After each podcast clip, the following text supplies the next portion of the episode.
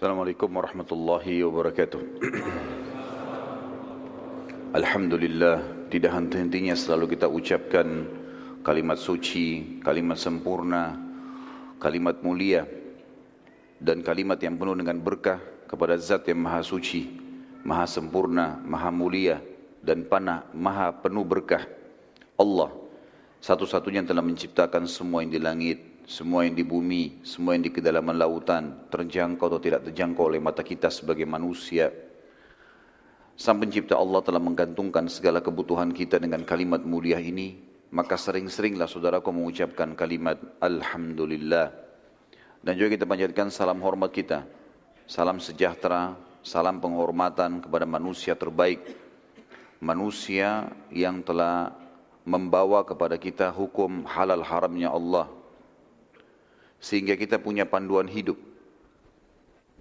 Dan juga diperintahkan oleh sang pencipta Allah sebagai ibadah untuk menjadikannya sebagai suri tauladan.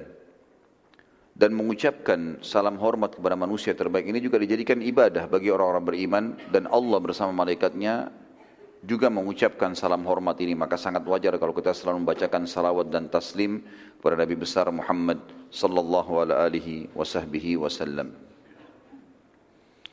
Kita melanjutkan bahasan sirah saudara seiman dan kita masih di hiruk-piruk dan luar biasanya dan dahsyatnya perang Badar. Yang terakhir kita sempat membahas kisah bagaimana kelihayan dan keterampilan Zubair bin Awam radhiyallahu anhu.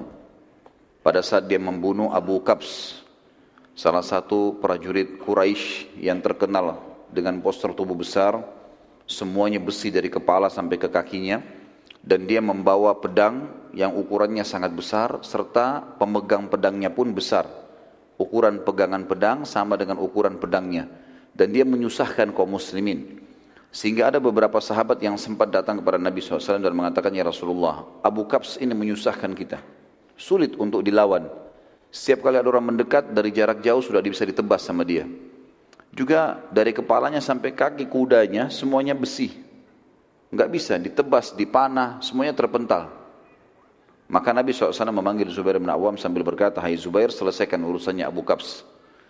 Dan ini juga pelajaran teman-teman sekalian bagaimana keterampilan-keterampilan perang harus dikuasai oleh seorang muslim. Tentu niatnya digunakan untuk membela agama Allah. Bukan untuk pamer, bukan untuk dikatakan hebat.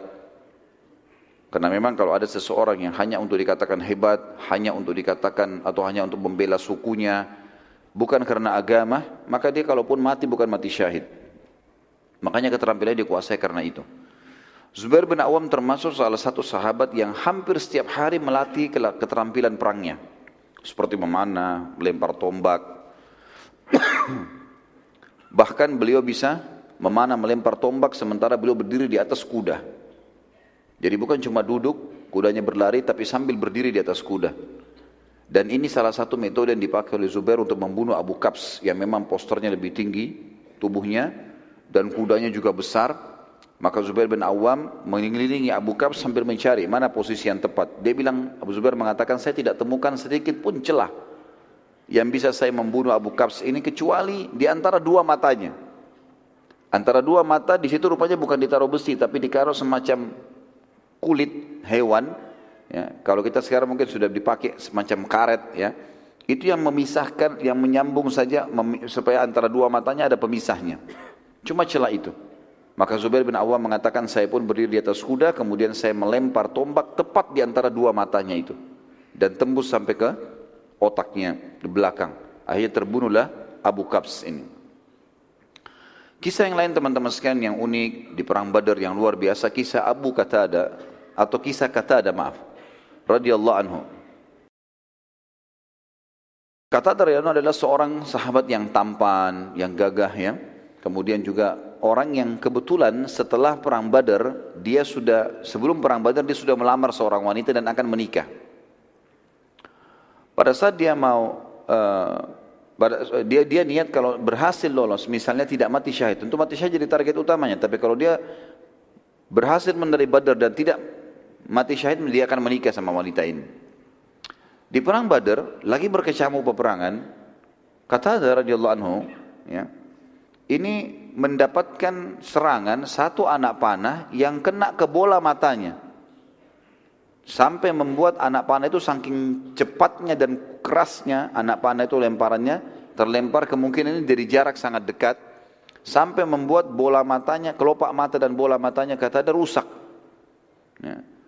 Kena rusak berdarah semua sobek kemudian bola matanya keluar tergantung tinggal ditahan dengan sedikit dari urat saraf ataupun kulitnya. Waktu melihat kejadian tersebut, otomatis kata ada duduk kesakitan. Beberapa orang sahabat sempat melewati, kata ada sambil mengatakan, wahai saudara, sudah tidak ada gunanya sekarang matamu ini. Dan ini menghambatmu sekarang. Kamu tidak akan bisa memperoleh pahala perang, jihad, pahala mati syahid, hanya karena matamu ini. Kami potong saja, biar kamu bisa berperang. Dan ini juga pelajaran teman-teman bagaimana semangat para sahabat. Bukannya kena matanya tepatnya rusak disuruh pulang ke Madinah atau disuruh istirahat di kemah, dimotivasi untuk ikut lagi. Potong matamu, perang lagi. Maka kata ada pintar di sini. Dia mengatakan, ajak ajak saya, bawa saya ke Nabi Shallallahu Alaihi Wasallam. Saya mau ketemu sama Nabi SAW. Dibawalah ke arah kemahnya Nabi Shallallahu Alaihi Wasallam. Begitu Nabi SAW lihat para sahabat lagi menggotong kata ada ini, beliau tersenyum. Orang-orang sahabat bertanya waktu itu, kok orang matanya keluar, Nabi SAW senyumin. Lihat kata ada. Tapi kata ada sudah faham. Nabi SAW bilang kepada mereka semua termasuk kata ada yang jadi target. Wahai kata ada, kalau kau mau, saya akan berdoa kepada Allah, matamu sembuh. Bisa utuh kembali nih, sembuh total. Kembali matamu semuanya. Tapi kalau kau mau bersabar tanpa mata, karena ini matamu rusak di jalan Allah, kau dijamin masuk surga. Maka kata ada, diam sejenak. Pilihannya cuma salah satu ini. Sabar masuk surga, tapi tanpa mata. Berarti menikah juga nanti kalau lolos tidak ada matanya satu. Ya. Atau, gitu kan? Dia diobati cuma belum ada jaminan surga. Ini dapat tiket ini. Ini tiket gratis. Silakan tinggal masuk surga. Yang penting sabar. Maka yang terjadi kata ada berpikir sejenak lalu dia mengucapkan kalimat dan ini riwayat diriwayatkan Imam Bukhari. Kata beliau ya Rasulullah, doakan kepada Allah agar mata saya sembuh dan juga doakan agar saya masuk surga. Dua-duanya. Dan sebagian ulama hadis mengatakan kemungkinan ini sebabnya kenapa Nabi tersenyum. Nabi SAW sudah dapat informasi dari wahyu. Kalau akan begini jawabannya kata ada. Maka ada dua riwayat Bukhari yang pertama dijelaskan kalau Nabi SAW sudah dilepaskan dia anak panah tadi memegang bola mata tersebut dan memasukkan dengan telapak tangan beliau yang suci alaihi salatu wassalam.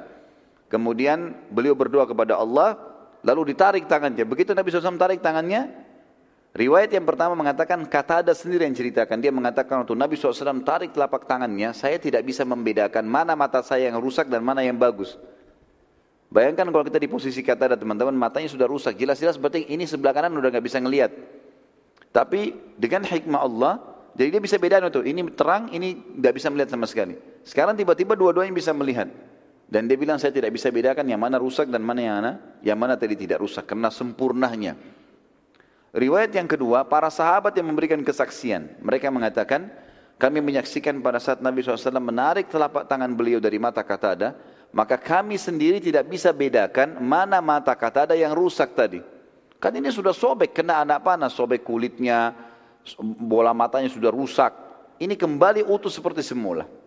Dan ini ulama masukkan dalam satu mujizat Nabi sallallahu alaihi wasallam di dalam perang Badr. Termasuk kita kisah yang luar biasa terjadi selain kisah Zubair bin Awam, selain kisah tadi kata ada, ada kisah yang lebih luar biasa kalau menurut saya. Kisah ini luar biasa dan ini dua orang ini saya favoritkan di dalam hidup saya pribadi dan saya berharap mudah-mudahan dari keturunan muslimin terutama keturunan saya ada orang-orang yang seperti ini. Ini luar biasa, anak-anak muda umurnya 15 tahun sama 16 tahun. Dua orang anak muda dari Ansar. Namanya Muad ibn Afra dan Auf ibn Afra. Ayah mereka namanya Afra. Dikenal dengan dua anaknya Afra. Dua anak laki-laki. Muad kakak umurnya 16 tahun. Auf adik umurnya 15 tahun. Abdurrahman ibn Auf menyebutkan di dalam perang Badar kisah sahih riwayat Bukhari Muslim dia mengatakan pada saat aku sedang melihat perang berkecamuk dan aku berada di pinggiran kancah peperangan tiba-tiba saja aku didatangi oleh seorang anak muda Ansar bernama Muad ke sebelah kirinya lalu berkata hai paman mana Abu Jahal kata Abdurrahman kenapa kau tanya Abu Jahal dia bilang saya dengar dia orang yang paling menyakiti Nabi SAW waktu di Mekah. Kata Abdurrahman, iya benar. Apa yang kau mau lakukan? Saya mau bunuh paman. Jadi anak muda ini bukan nyari prajurit-prajurit biasa. Mana kepalanya itu? Kepala orang kafir nih pimpinan perang itu memang kebetulan Abu Jahal panglima perangnya. Pimpinannya kalau muslimin dipimpin oleh Nabi SAW, kalau Quraisy di perang Badar dipimpin oleh Abu Jahal. Maka Kata Abdurrahman, nanti kalau saya lihat dia, saya akan tunjukkan. Karena Muad belum pernah lihat Abu Jahal. Kata Abdurrahman, baru saya selesai bilang itu, datang adiknya dia, Auf, di sebelah kanan saya. Seakan-akan mereka memang tidak saling tahu nih. Mengucapkan kalimat yang mirip, wahai paman, mana Abu Jahal? Kata Abdurrahman, kenapa kau tanya Abu Jahal? Ini perang lagi berkecamuk, kakaknya lagi sibuk menunggu melihat, dia tidak lihat adiknya. Ini tidak janjian ya. Kemudian Abdurrahman bilang, kenapa kau cari Abu Jahal? Dia bilang, saya dengar Rasulullah SAW paling disakiti di Mekah oleh dia. Terus apa yang kau mau buat? Saya mau bunuh. Baiklah, nanti kalau saya lihat saya akan tunjukkan kepadamu. Kata Abdurrahman, tidak lama kemudian, tiba-tiba di pasukan musuh, di pasukan musuh, terlihat itu. Terlihat ada pasukan Quraisy datang di tengah-tengah pasukan ada Abu Jahal. Abu Jahal dikatakan Abdurrahman, demi Allah semuanya dari kepalanya sampai kakinya besi. Enggak kelihatan kecuali matanya. Sudah gitu dikumpul rumuni oleh pasukannya lagi. Banyak sekali. Melingkar, mengelilingi dia. Maka saya bilang, itu Abu Jahal. Kata Abdurrahman, begitu saya ucapkan itu Abu Jahal, demi Allah, kedua anak muda ini, Mu'ad dan Auf adiknya seperti anak panah yang melepas, terlepas dari busurnya. Cepat sekali. Menyerang semua pasukannya Abu Jahal. Dan karena mereka kelabakan tidak sangka dua orang menyerang sekian ratus orang gitu kan? Akhirnya kelabakan nih. Kacau balau. Mereka terus menebas sana sini sampai mereka berdua berada di depan Abu Jahal dan keduanya menebaskan pedangnya ke arah Abu Jahal tapi karena Abu Jahal di atas kuda dan mereka berdua ini berjalan gitu kan berlari maka pedangnya mengenai bagian paha. Dan saking kerasnya tebasan tersebut sampai akhirnya paha Abu Jahal sempat sobek. Berdarah dan jatuh dari kuda. Si Auf si adik ini sempat dibunuh oleh mati syahid dibunuh oleh Ikrimah bin Abi Jahal. Waktu itu Ikrimah masih dalam keadaan kafir. Nanti tentu setelah pembebasan kota Mekah Ikrimah masuk Islam. Radhiyallahu dan beliau mati syahid di perang Yarmuk ada kisahnya sendiri yang luar biasa juga waktu itu masih dalam keadaan kafir anaknya Abu Jahal dia menyerang Auf, Auf mati terbunuh, si adik. Si Mu'ad berusaha melarikan diri karena Abu Jahal sudah kena. Tangkis sana sini lepas dari peperangan. Begitu dia keluar rupanya ada satu orang kafir atau beberapa orang kafir yang menebaskan pedang ke tangan kanannya. Dan sempat ketebas. Akhirnya tangannya seperti tergantung tangan kanannya. Dia pun keluar dari kancah peperangan. Dia nggak berhenti teman-teman sekalian. Perhatikan semangat sahabat mengejar surga ini. Dan keyakinan mereka kalau Mati itu datang bukan karena sebabnya, tetapi karena ajalnya datang. Karena sebab-sebab kematian banyak. Orang bisa ditabrak kendaraan, orang bisa menghadapi kebakaran, bisa tenggelam. Tapi kalau ajal belum datang nggak bakal mati. Pasti akan diselamatkan, terselamatkan dengan sendirinya. Apa yang dilakukan teman-teman? Bayangkan di umur 16 tahun, tangan kita tertebas, tergantung tinggal beberapa lembar kulit, ya, beberapa eh, kulitnya yang halus yang menangannya. Dia lakukan dia yang dia lakukan dia buka imamahnya lalu diikat sama dia. Tangannya disatukan, tangan kanannya diikat sama dia di punggungnya dengan imamahnya supaya bisa bertahan. Lalu dia masuk lagi nyerang dengan tangan kirinya. Sementara melawan musuh dia merasa dia kesalahan, ke, ke, kesakitan dengan tangannya ini. Dia merasa terganggu dengan itu. Dia keluar dari, dari kancah peperangan, imamahnya dibuka, tangannya diinjak sama dia ditarik. Dikeluarin tangannya. Karena sudah mengganggu nih, nggak bisa berfungsi lagi. Setelah itu dia masuk menyerang teman-teman sekalian umur 16 tahun dengan tangan kirinya sampai terbunuh mati syahid. Dua anak muda yang luar biasa ini. Ya. Di sini teman-teman sekalian, karena perilaku dua orang ini, ulama sepakat bahwasanya kekalahan musyrikin setelah izin Allah di Badar, selain janji Allah adalah perannya dua orang ini. Kenapa? Karena ternyata setelah Abu Jahal jatuh, dan orang-orang kafir Quraisy tidak ada yang bisa mengobati karena besarnya sobekan di pahanya dan berdarah banyak. Akhirnya mereka kelabakan gara-gara itu. Pimpinannya sudah luka. Dan mereka takut, khawatir jangan sampai dari pasukan muslimin keluar lagi dua orang seperti ini yang menyerang tiba-tiba. Ya. Akhirnya Abu Jahal diurus, dirawat, dikeluarkan di kancah peperangan oleh mereka. Dan muslimin berkecamuk lagi peperangan, masih berperang yang lain. Kita masuk sekarang juga di antara kisah yang terjadi di perang Badar adalah terbunuhnya Umayyah bin Khalaf. Umayyah bin Khalaf teman-teman adalah dulu majikannya Bilal di zaman jahiliyah. Majikannya Bilal. Dia yang dulu taruh batu panas dari Bilal, dia yang cambukin, dia yang siksa Bilal intinya. Umayyah bin Khalaf ini orangnya gemuk, badannya besar. Rupanya waktu pasukan muslimin memenangkan perang Badar, kocar kacir pasukan kafir Quraisy ini, udah mulai banyak yang melarikan diri. Umayyah bin Khalaf ini kudanya lepas dari dia. Dia jatuh dari kuda, kudanya lepas. Dia karena gemuk sekali nggak bisa lari. Sudah nggak bisa lari, pasukan musyrikin sudah banyak lari, tinggal dia sama anaknya berdua. Tinggal sama anaknya berdua. Ada riwayat yang mengatakan tinggal dia sendirian. Muslimin lagi ngumpulin ghanimah. Ada sebagian yang mengejar musuh, sebagian mengumpulkan ghanimah. Apa pun yang ditinggalkan oleh musuh pada saat itu dari pedang, perisai, kendi-kendi, apalah semua dikumpulin di depan kemahnya Nabi SAW, nanti Nabi SAW bagi rata. Salah satu yang mengumpulkan ghanimah itu adalah Abdurrahman bin Auf radhiyallahu anhu. Abdurrahman bin Auf ini teman-teman sekalian adalah sahabat Nabi, salah satu yang dijamin masuk surga dari 10 orang. Di zaman jahiliyah namanya dia Abdud. Namanya dia Abdud. Wud ini namanya berhala. Hambanya Wud gitu. Setelah masuk Islam diganti Abdurrahman oleh Nabi SAW. Abdurrahman ibn Auf lagi ngumpul-ngumpulin pedang. Dalam hadis Bukhari dia mengatakan, saya lagi ngumpulin pedang, perisai, saya coba angkat semaksimal mungkin yang saya mampu, mau dibawa ke hadapan Nabi SAW. Gitu kan. Tiba-tiba, Umayyah, saya melihat Umayyah dari sisi kanan saya, dan dia memanggil, wahai Abdul Dia panggil, wahai Abdul Ya. Maka berkata uh, Abdurrahman, saya tidak mau balik. Karena nama itu buruk. Terus dia mengatakan, wahai Abdul wahai Abdul Umayyah selalu memanggilnya. Dan memang Abdurrahman sangat dekat dengan dia pada saat itu. Dekat posisinya. Sampai akhirnya dia tidak mau balik, dipanggillah dengan nama lain Abdul Ilah. Ilah adalah Tuhan. Sama kalau kita Abdullah sebenarnya ya. Hai Abdul Ilah. Kata Abdurrahman waktu dia panggil saya itu saya balik. Saya bilang ya ada apa? Ya. Maka dia bilang, untuk apa kamu mengumpulkan semua itu di tanganmu? Berat-berat, pedang, perisai, untuk apa? Ini harta rampasan perang, kata Abdurrahman. Mak kata Umayyah, mau nggak saya kasih kamu lebih baik daripada itu? Kata Abdurrahman, tentu saja. Dia bilang, tawan saya sama anak saya. Nggak usah urus itu. Karena pedang, perisai semuanya dikumpulin nanti dibagi rata kepada mujahidin. Tapi kalau tawanan perang, dia bawa orang yang dia tawan, itu bisa jadi budaknya dia. Tawanannya dia. Kata Umayyah, tawan saya. Kau tahu posisi saya di Mekah seperti apa? Dia salah satu pemimpin kepala suku di Mekah. Orang kaya raya.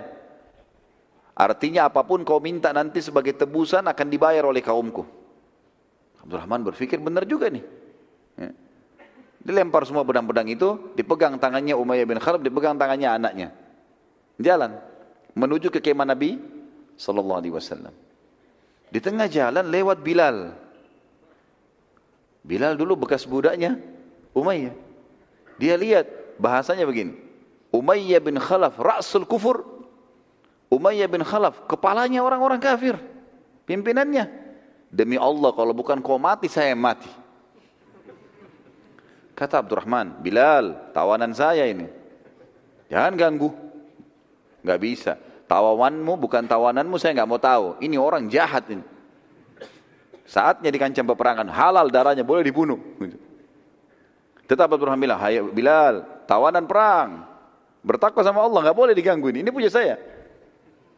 Bilal bilang, belum sampai ke Rasulullah SAW. Kalau udah sampai ke kemahnya beliau, Nabi akui, nah itu lain. Selama kau masih jalan ke sana, saya kejar nih. Akhirnya Abdurrahman sama Bilal argumentasi mulut. Ya. Bilal tetap mau bunuh, ini larang. Setiap kali Bilal mau nyerang, Abdurrahman tahan dengan badannya. Bilal bingung gimana caranya bunuh orang ini. Harus dapat cara ini. Rupanya lewat beberapa orang ansar lagi ngumpulin juga ganimah. Orang dari asli Madinah muslimin. Dia teriak, hai saudaraku Ansar, ke sinilah. Mau enggak membunuh orang yang pernah siksa saya di Mekah dulu? Mereka bilang, tentu saja. Ah ini orangnya ini. ini ini. Umayyah bin Khalaf ini yang taruh batu panas di dada saya, yang pukulin saya, yang caci maki, yang suruh saya mengatakan unta itu Tuhan. Ini orang ini. Bunuh dia. Mereka bilang, harus dibunuh ini. Kata Abdurrahman, sebentar, ini tawanan saya. Enggak boleh. Kata Bilal, belum sampai ke kemah Rasulullah. Orang ini jahat. Terus Bilal terus motivasi orang-orang Ansar. Abdurrahman terus membela sampai orang Ansar mengatakan Abdurrahman tidak bisa. Belum sampai kemah Rasulullah. Ini masih di kancah peperangan. Kami punya hak. Orang ini siksa saudara kami. Maka Abdurrahman bingung gimana caranya. Ini sudah lebih dari 4-5 orang. Tadi satu orang dihadapi. Mau dibela bagaimanapun bisa kena. Maka Abdurrahman bilang, Hai Umayyah, baringlah, disuruh baring di tanah. Terus Umayyah bin Khal, eh, supaya Abdurrahman tidur di atas badannya. Jadi Umayyah disuruh tidur, dia baring di atasnya supaya tidak bisa diserang gitu. Kata Bilal, tusuk dari bawah. Ya betul gitu Bilal tusuk-tusuk dari bawah. Jadi semuanya menusuk dari bawah, dari bawahnya Abdurrahman. Karena Abdurrahman nggak boleh kena, Muslim. Sampai akhirnya mati terbunuh. Waktu terbunuh, kata kata kata Abdurrahman, semoga Allah maafkan kau Bilal. Kau sudah hilangkan ghanimah saya.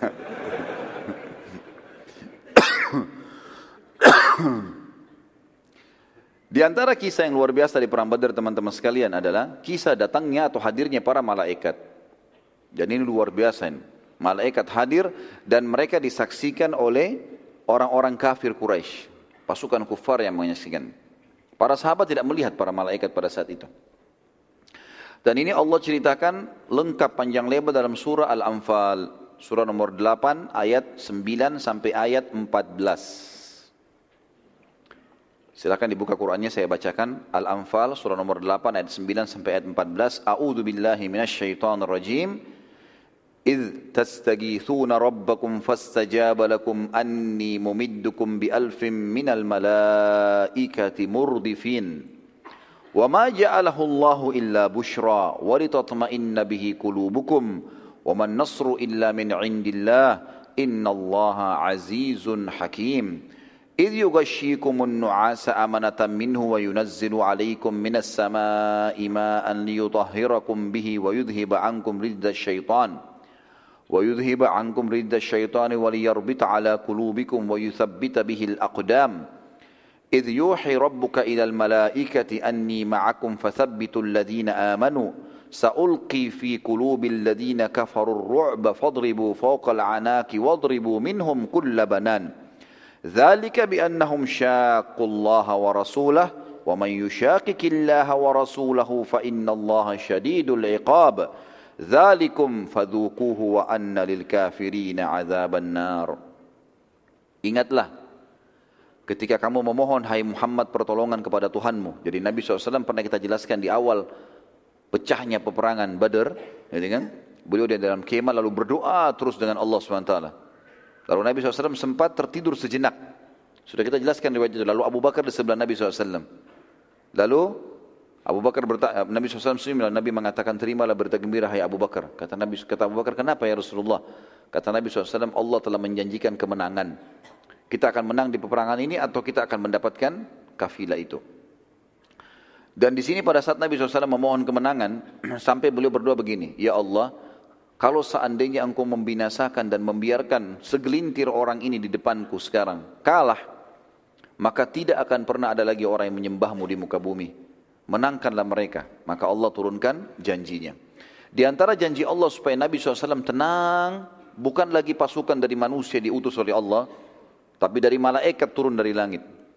Ingatlah ketika kamu memohon pertolongan hai Muhammad kepada Tuhanmu, lalu diperkenankan bagimu, kata Allah, perkenangannya adalah sesungguhnya aku akan mendatangkan bala bantuan kepadamu dengan seribu malaikat yang sedang berturut atau datang berturut-turut. Artinya turun beransur-ansur, gitu kan?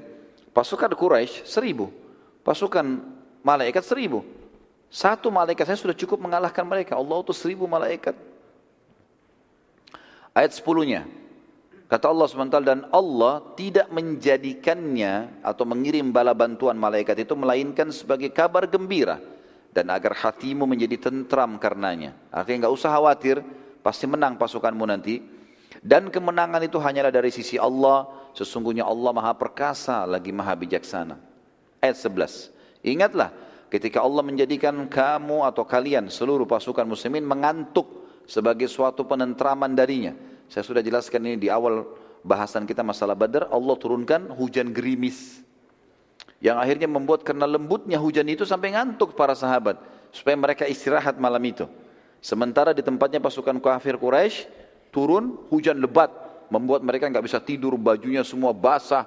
Apalagi zaman dulu orang pakai baju besi, berat dengan kena hujan. Becek tanahnya, mereka susah jalan, luar biasa. Peralatan-peralatan semuanya basah. Allah bilang, Ingatlah pada saat kami menjadikan kalian mengantuk sebagai penentraman dari kami. Dan umumnya teman-teman orang kalau ngantuk itu rasa takutnya hilang loh. Orang kalau lagi takut, kemudian dia ngantuk sampai dia tertidur itu hilang rasa takutnya. Contoh misalnya orang kalau ngantuk sekali, dia mau tertidur di pinggir jalan pun walaupun gelap sudah ngantuk, capek tidur. Hilang rasa takutnya. Allah hilangkan rasa takut dengan cara itu. Dan Allah menurunkan kepadamu atau kepada kalian hujan dari langit untuk mensucikan kalian dengan hujan itu. Mensucikan di sini makna lainnya juga adalah membuat kalian jadi segar. Karena kan kita tahu bersuci dengan air kan gitu. Bersuci dengan uduk, bersuci dengan mandi. Dan itu maknanya. Yang makna yang paling dekat kata ulama adalah makna ini. Dan juga menghilangkan dari kalian gangguan-gangguan syaitan. Dan untuk menguatkan hati kalian dan memperteguh dengan dengannya telapak-telapak kaki kalian. Karena tadi hujannya gerimis tak ada padam-pasnya cuma kena basah sedikit mereka bisa mudah melalui atasnya. Ayat 12-nya ingatlah ketika Tuhan kalian atau Tuhan Muhammad mewahyukan kepada para malaikat sesungguhnya aku bersama kalian maka teguhkanlah pendirian orang-orang beriman artinya malaikat dimotivasi oleh Allah datang perang jalankan tugas aku akan bersama dengan kalian Aku akan masukkan ketakutan di dalam hati orang-orang kafir atau ke dalam hati orang-orang kafir. Maka penggallah kepala mereka dan pancunglah tiap-tiap ujung jari mereka. Ini perintah Allah khusus kepada para malaikat. Nanti kita akan bahas di penutupan bahasan masalah perang Badar di mana Nabi SAW mengatakan, maukah kalian melihat perbedaan antara korban kalian dan korban malaikat? Kata para sahabat, ya Rasulullah. Kata Nabi SAW, kalau kalian temukan di bagian penggalan. Jadi semua korban malaikat pasti kepalanya terpenggal. Jadi bukan hanya ditusuk kayak manusia lakukan, memang dipenggal kepalanya dan jari-jarinya dipotong. Dan di situ ada luka bakar. Ini perintah Allah kepada para malaikat. Penggallah kepala mereka dan pancunglah tiap ujung-ujung jari mereka. Perintah Allah begitu, kuasa Allah. Ayat 13. Ketentuan yang demikian itu adalah karena sesungguhnya, kenapa Allah suruh begitu hukum mereka? Karena mereka menentang Allah dan Rasulnya. Keluar dari Mekah memang mau memerangi agama Allah ini. Mau memerangi Rasulullah Wasallam. Dan barang siapa yang menentang Allah dan Rasulnya, sesungguhnya Allah amat keras siksaannya. Ayat 14. Itulah hukuman dunia yang ditimpakan atas kalian. Maka rasakanlah hukuman itu. Ini perkataan Allah kepada orang-orang kafir. Sesungguhnya bagi orang-orang kafir itu ada azab neraka di akhirat yang menunggu nanti. Selain siksa dunia ini juga di akhirat akan ada siksaan. Saksi bahasan kita adalah awal ayatnya tadi ayat 9 Allah menurunkan seribu malaikat dan setelahnya juga tadi Allah mengatakan memerintahkan malaikat di ayat 12-nya agar menguatkan orang-orang beriman dan memanggal memenggal kepala orang-orang kafir dan juga memotong jari-jari mereka. Nabi SAW bersabda, apakah kalian ingin melihat perbedaan korban kalian dengan korban para malaikat? Kata para sahabat tentu ya Rasulullah. Kata Nabi SAW, lihatlah leher dan tangan mereka yang, yang terlihat tanda terbakar api berarti korban malaikat karena karena malaikat berperang dengan pedang dari api neraka. Para sahabat berkata, kami pun memeriksa para korban Quraisy setelah terjadi peperangan setelah perang dan kami temukan seperti yang diinformasikan oleh Rasulullah sallallahu alaihi wasallam.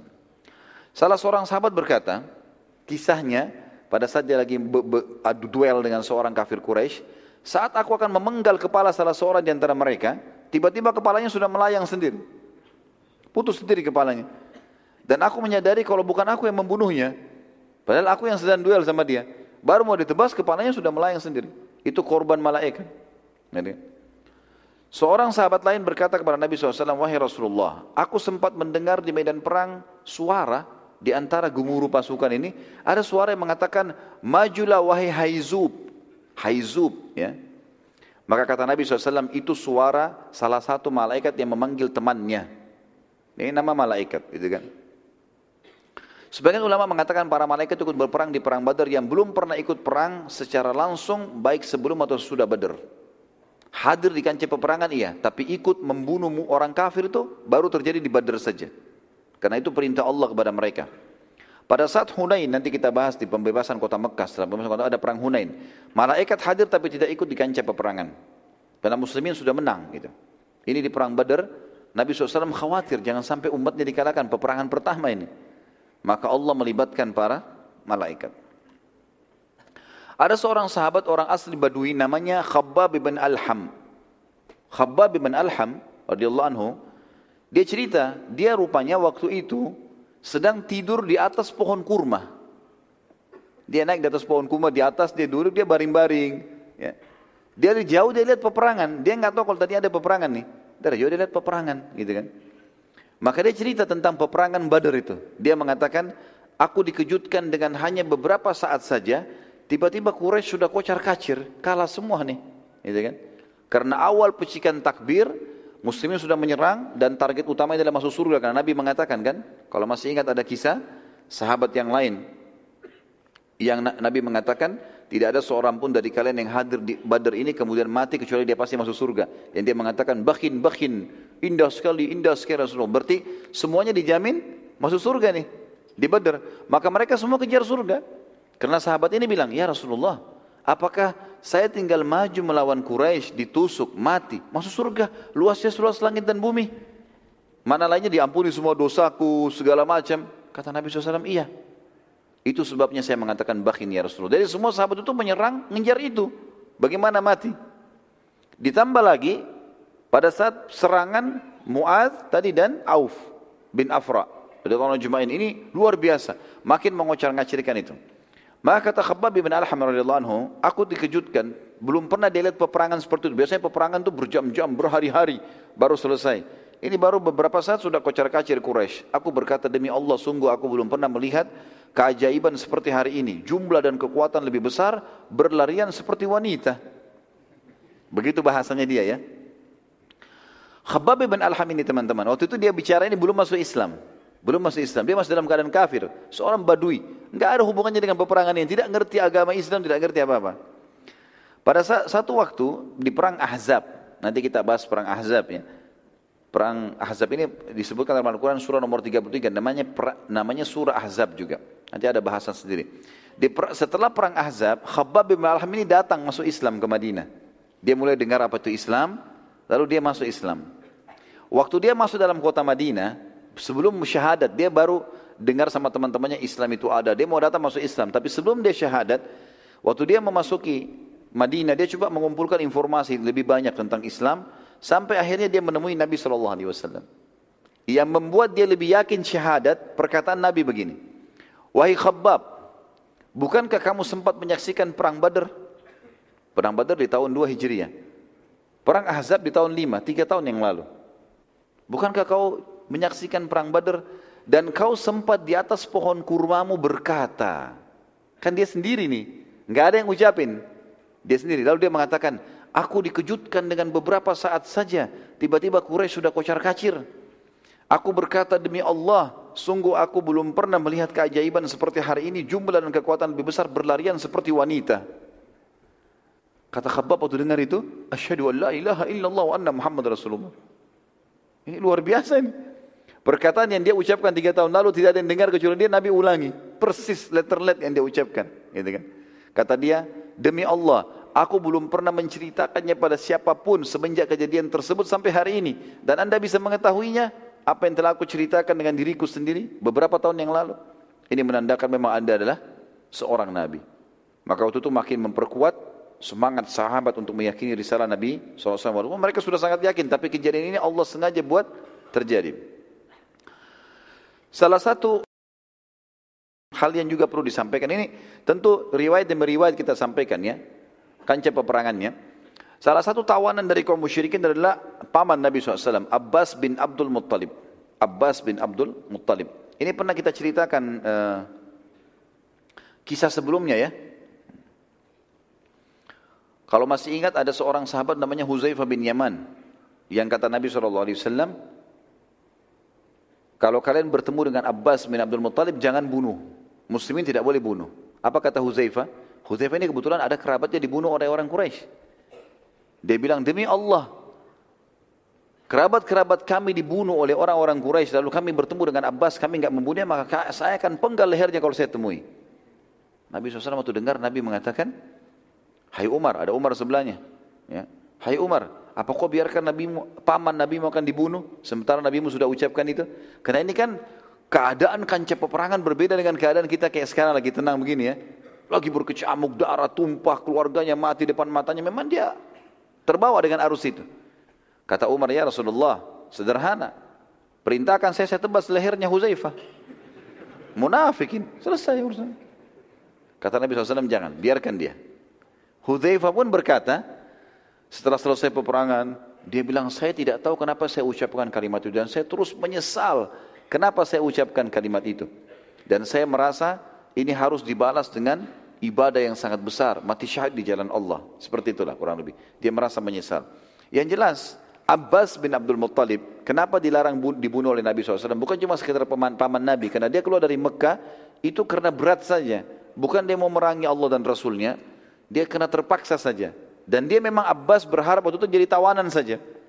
Jadi dia bisa berkumpul dengan Nabi SAW. Karena dia kalau keluar dari Mekah, masuk Islam, dianggap dia adalah orang yang begini, begitu, dan menghinakan kaumnya. Nabi tahu masalah itu. Yang menawan Abdul uh, Abbas ini, Abbas ini teman-teman orang yang postur tubuhnya mirip Umar bin Khattab, tinggi besar. Umar bin Khattab cirinya kalau duduk di atas kuda kakinya sampai di tanah. Ya. Dua meter sekian. Abbas juga tinggi besar. Dia ditawan oleh Abdullah bin Mas'ud. Abdullah bin Mas'ud ini sahabat yang kurus sekali. Kecil sekali badannya, gitu kan? Sampai pernah Abdullah bin Mas'ud naik di atas sebuah pohon kurma, ter, ada angin kencang, tersingkap betisnya. Saking kecilnya sahabat tertawakan. Sahabat sampai tertawa, lucu gitu. Kok kecil sekali? Maka kata Nabi SAW, apakah kalian menertawakan dua kecilnya betisnya Ibnu Mas'ud demi zat yang jiwa Muhammad dalam genggamannya dua betis yang Ibnu Mas'ud itu lebih berat daripada gunung Uhud di timbangan amal. Jadi fadilahnya dia luar biasa gitu kan. Tapi ini orang yang kecil sekali. Secara akal teman-teman sekalian nggak mungkin Ibnu Mas'ud menawan Abbas, nggak mungkin. Postur tubuh yang raksasa besar ini kecil megang dia nggak mungkin. Dan sahabat menyaksikan mereka bilang, kami melihat pada saat Abdullah bin Mas'ud memegang tangan Abbas, Abbas teriak-teriak kesakitan. Gitu kan? Maka para sahabat melaporkan kepada Nabi SAW waktu itu. Ya Rasulullah, bagaimana kita memahami konsep ini? Bin Mas'ud tangkap Abbas, Abbas teriak-teriak kayak kesakitan, gitu kan? Tanya Abbas, Hai Abbas, kenapa kau teriak-teriak? Ini yang tangkap kok orang kecil begini. Dia bilang, demi Allah tangan saya seperti mau patah. Gitu kan. Padahal Ibnu Mas'ud cuma pegang biasa, tangannya Mas'ud kecil. Dua tangan Ibnu Mas'ud bisa memegang satu tangan Abbas. Kesakitan. Lalu kata Nabi SAW kepada Ibnu Mas'ud, Hai Ibnu Mas'ud, hati-hati. Jangan sampai kau berpikir bahwasanya kau yang menangkapnya. Itu adalah perannya para malaikat. Jadi malaikat yang menangkap itu, yang membuat dia kesakitan malaikat. Tapi kesannya kau yang menangkap. Kita melihat selanjutnya teman-teman sekalian, beberapa korban-korban atau korban-korban orang kafir Quraisy di Badr. Nabi SAW memerintahkan sahabat agar mengumpulkan jenazah orang kafir kufar Quraisy tentunya ya. Setelah Abu Jahal jatuh, kemudian mereka diserang dengan dengan kekuatan yang luar biasa tadi semangat semua mati syahid, kocar kacir nih, pada lari, banyak korbannya. Yang sempat lari ditebas dari belakang, jatuh, mati. Nabi SAW suruh kumpulin semua jenazahnya. Kebetulan di situ ada sumur kering, nggak ada airnya. Nabi SAW mengatakan masukkan semua jenazah mereka ke sumur itu. Dimasukkanlah semuanya jenazah-jenazah orang kafir tersebut. Lalu Nabi SAW melihat ke arah tawanan. Ternyata di tawanan ada dua orang dari orang yang masih hidup dari tawanan Quraisy yang memang ini adalah musuh terbesarnya Nabi SAW waktu di Mekah. Dia adalah An-Nadhr ibn Harith. Masih ingat gak orang ini? An-Nadhr ibn Harith ini teman-teman yang pernah disewa oleh Quraisy untuk cerita dongeng. Ya. Jadi setiap Nabi ceramah, dia juga dongeng di sebelah. Untuk mengalihkan orang gitu. Dan semua ayat yang turun berbunyi Asatirul Awwalin, dongeng-dongeng yang terdahulu turunnya kepada An-Nadhr ibn Harith. Nabi lihat di tawanan, ini orang ikut perang juga dari Mekah. Itu yang pertama, dan ini turun tujuh ayat Al-Quran menyebutkan ya tentang orang ini. Asatirul awalin itu. Pada saat dia mencela dakwah Nabi SAW. Ya. Dan dia sering mengucapkan di Mekah dulu, Muhammad berbohong, saya juga berbohong. Pilih aja mana yang lebih bagus retorikanya. Seperti itulah. Ya. Nabi SAW menerangkan kepada para sahabat, ini orang perilakunya di Mekah begini, begini, begini, begini. Kata Nabi SAW, bunuh dia. Orang ini nggak layak hidup. Ini orang sudah hina Islam dulu, halangi dakwah, sekarang ikut keluar dengan baju perangnya. Perang lawan muslimin. Kebetulan ditawan, kalau enggak dia akan korbankan muslimin. Ini orang nggak bisa di, bukan cuma tawanan saja. Maka para sahabat pun membunuhnya. Lalu Nabi SAW melihat ke arah yang lain, ada Uqbah bin Abi Mu'aid. Salah satu pimpinan Quraisy. Uqbah ini termasuk orang yang pernah membawa kotoran hewan, unta, membuang di arah kepala Nabi SAW atau Nabi lagi sujud. Kotoran unta, kotor sekali, jorok ini, bau nggak benar, gitu kan? Sampai Fatimah datang dan membersihkan badan Nabi SAW dari kotoran sambil menangis, gitu kan? Yang jelas Nabi SAW melihat orang ini. Lalu Nabi SAW mengatakan, apakah kalian tahu apa yang orang ini lakukan selama di Mekah? Ialah yang telah menumpahkan di atas tubuh dan kepalaku kotoran unta saat aku sedang sujud menghadap Allah depan Ka'bah. Ini perilaku berat ini. Nabi dihina saya sudah bahas masalah. Lagi sujud, masalah lain. Depan Ka'bah, masalah lain. Kumpul semua ini. Ya. Ia juga pernah suatu hari saat aku sedang sujud depan Ka'bah, ia meletakkan telapak kakinya di batang leherku. Pernah Nabi di waktu yang lain selain lumpur kotoran, juga Nabi lagi sujud diinjak lehernya Nabi dari atas. Oleh ini orang ini, Uqbah bin Abi Mu'aid ini. Kemudian aku merasa seperti aku akan mati karena nggak sempat melawan. Orang terinjak lagi sujud, nggak mungkin. Jadi Nabi SAW merasa mengatakan sampai aku merasa aku akan mati karena nggak bisa nafas, diinjak batang lehernya. Mendengar perkataan Nabi SAW maka seorang sahabat Nabi dan ini kita kalau hidup di zaman itu teman-teman memang luar biasa harusnya jeli. Ada sebagian sahabat jeli sekali. Nabi sering memberikan isyarat. Siapa yang cepat dia yang dapat pahalanya. Ya. Jadi di sini pada saat Nabi memberikan menyebutkan keburukan orang ini, sebenarnya Nabi sedang menyuruh membunuhnya, tapi nunggu siapa yang mau mengambil keputusan. Seorang sahabat dari Ansar namanya Al-Him bin Thabit radhiyallahu anhu. Al-Him bin Thabit ini berdiri langsung bunuh Uqbah. Sudah tahu ini perintah Nabi. Jadi di sini juga teman-teman sekalian saya sudah pernah bahasakan waktu kita sebelum bahas perang Badar, kalau kita sedang membahas tentang perilaku Nabi di masa lagi aman di kota Madinah, dengan orang kafir, dengan para tetangga, dengan Nabi nggak pernah berbuat kasar sama sekali. Tidak pernah sama sekali. Tapi kita harus bedakan antara perilaku ini dengan perilaku di kancah peperangan. Ini ada bedanya nih. Karena kancah peperangan teman-teman beda sekali. Kasusnya adalah kafir harbi yang dihadapi. Orang kafir yang sengaja keluar mau memerangi muslimin. Kalau bukan mereka kalah, mereka akan habisin muslimin. Gitu loh. Makanya perilaku mereka berbeda. Gitu kan. Ini juga seperti saya bilang tadi teman-teman sekalian, dari pelajaran di sini, Nabi SAW kadang-kadang memotivasi sahabat untuk sedekah.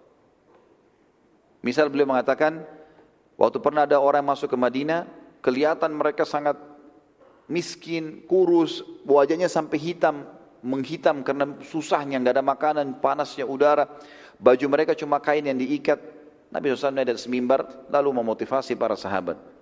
Sodakahlah, sodakah itu meredam murkahnya Allah, sodakah itu tidak mengurangi harta. Terus sampai motivasi sahabat, sebelum orang-orang ini tiba di masjid untuk membantu.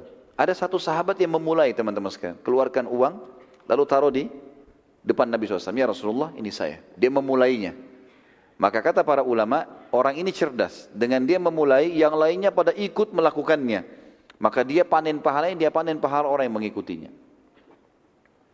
Uqbah sebelum dibunuh tadi oleh Al-Him radhiyallahu anhu, Uqbah berkata, "Mengapa kalian harus membunuhku sementara aku termasuk salah satu tawanan kalian dan tawanan kalian yang lainnya kalian biarkan?"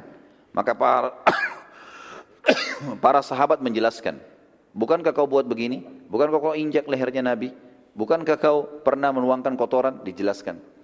Lalu kedua orang itu pun yang akhirnya dia dibunuh oleh Al-Him tadi, kemudian kedua jenazah ini ikut diseret dan dimasukkan ke dalam ke dalam sumur tadi.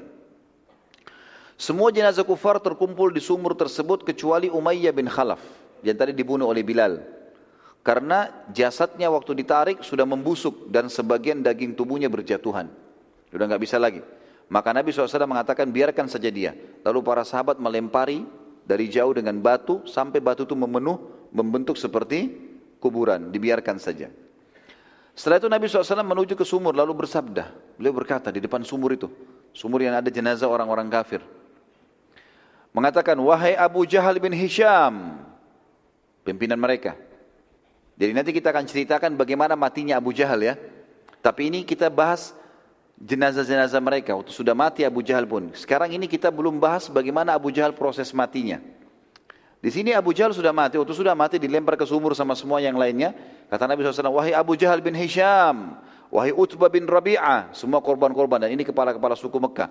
Wahai Syaibah bin Rabi'ah, wahai Walid bin Utbah, wahai Abu Bukhturi bin Hisham, wahai Uqbah bin Abi Mu'aid, wahai Nadar bin Harith. Nabi sebutkan satu persatu nama mereka. Terus semua disebut mungkin lebih dari 30 70 lebih dari 70 orang. Semua disebutin. Lalu Nabi SAW memanggil mereka satu persatu dan bersabda, apakah kalian sudah mendapatkan, menemukan apa yang telah diancamkan oleh Tuhan kalian? Sungguh, aku telah menemukan apa yang Tuhanku janjikan. Sahabat dia waktu itu. Umar bin Khattab di sebelah Nabi bertanya, Ya Rasulullah, bagaimana bisa anda mengajak bicara jenazah? Sementara mereka sudah membusuk, sudah mati. Kata Nabi SAW, demi zat wahai Umar, demi Allah, ya, maaf, demi Allah wahai Umar, sungguh mereka lebih jelas mendengarkanku di saat ini. Khusus saat ini Allah bukakan untukku ini. Yang lain tidak, di waktu ini Allah telah membukakan untukku sungguh mereka lebih lebih jelas mendengarkan perkataanku daripada engkau mendengarkan perkataanku sekarang. Gitu kan? Tapi mereka tidak bisa menjawab. Dan ini sebuah mujizat yang lain yang diberikan oleh Allah SWT kepada Nabi Muhammad SAW untuk menambah kehinaan orang-orang kafir itu yang dulunya memerangi beliau SAW. Di sini kita bisa renungi teman-teman bagaimana janji Allah yang luar biasa karena semua pimpinan orang-orang kafir Quraisy mati waktu itu. Semua pimpinan kafir Quraisy yang ikut di Badar mati semua, nggak ada yang pulang. Yang pulang cuma prajurit-prajurit biasanya. Semua pimpinannya Puluhan orang semuanya mati, kepala-kepala sukunya, semuanya mati. Nanti kita lihat setelah perang Badar tertinggal di Mekah Abu Sufyan, karena Abu Sufyan tadi pimpin kafilah. Jadi dia yang sempat lolos, tapi yang lain semuanya mati. Dengan Abu Lahab, yang Abu Lahab kita bahas di awal perang Badar, dia tidak ikut, tapi dia menyuruh seseorang yang punya utang dengan dia untuk pergi dan itu sebagai balasan utangnya. Tapi nanti kita jelaskan bagaimana matinya juga Abu Lahab di Mekah dan mati pas setelah selesai perang Badar. Nabi SAW mengirim berita gembira ke Madinah tentang kemenangan ini. Sementara di Mekah, orang yang pertama mendapatkan berita kekalahan Quraisy adalah seseorang yang bernama Haisuman bin Abdullah Al-Khuzai. Haisuman bin Abdullah Al-Khuzai ini pada saat dia masuk Mekah, Masyarakat Mekah bertanya tentang berita peperangan di, Bad, di Badr. Karena Haisuman ini sempat hadir, sempat hadir di Badr dan dia melarikan diri. Dia melarikan diri. Kemudian dia orang pertama tiba di Mekah. Karena pasukan sudah kocar kacir pada pulang semuanya. Waktu dia masuk masyarakat Mekah tanya tentang peperangan Badr pada saat itu. Dan mereka sama sekali tidak berpikir kalau Quraisy dikalahkan dengan seribu pasukan. Mereka sudah dapat informasi muslimin cuma 300. Ini pasukan perang lengkap. Mereka cuma tadi muslimin keluar untuk mengejar kafilah tidak dengan perlengkapan perang yang yang seperti mereka gitu kan. Tiba-tiba mereka kaget Haisuman menjawab telah terbunuh Abu Hakam bin Hisham, Abu Jahal. Ya. Karena orang Mekah panggil dia Abu Hakam. Telah terbunuh Abu Bukhturi, terbunuh Uqbah, terbunuh Syaibah. Lalu dia sebutkan semua nama-nama pimpinan Quraisy yang mati. Mereka menyaksikan untuk kematian di medan perang. Orang-orang semua tidak percaya ini. Karena semua pemimpin mereka dianggap mati terbunuh. Masa sih nggak mungkin. Safwan bin Umayyah bin Khalaf. Umayyah bin Khalaf tadi yang dibunuh oleh Bilal. Anaknya namanya Safwan.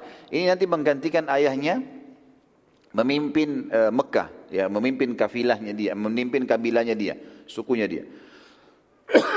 Saat itu dia sedang duduk dekat Ka'bah, karena tidak percaya, dia berkata kepada Quraisy, tanyakan tentang aku. Hai Suman ini, waktu dia keluar perang ke Badar, dia tidak tahu kalau aku ini ikut atau tidak. Coba tanya, bagaimana keadaannya Safwan? Kalau dia bilang, betul Safwan ada di Mekah, berarti dia jujur.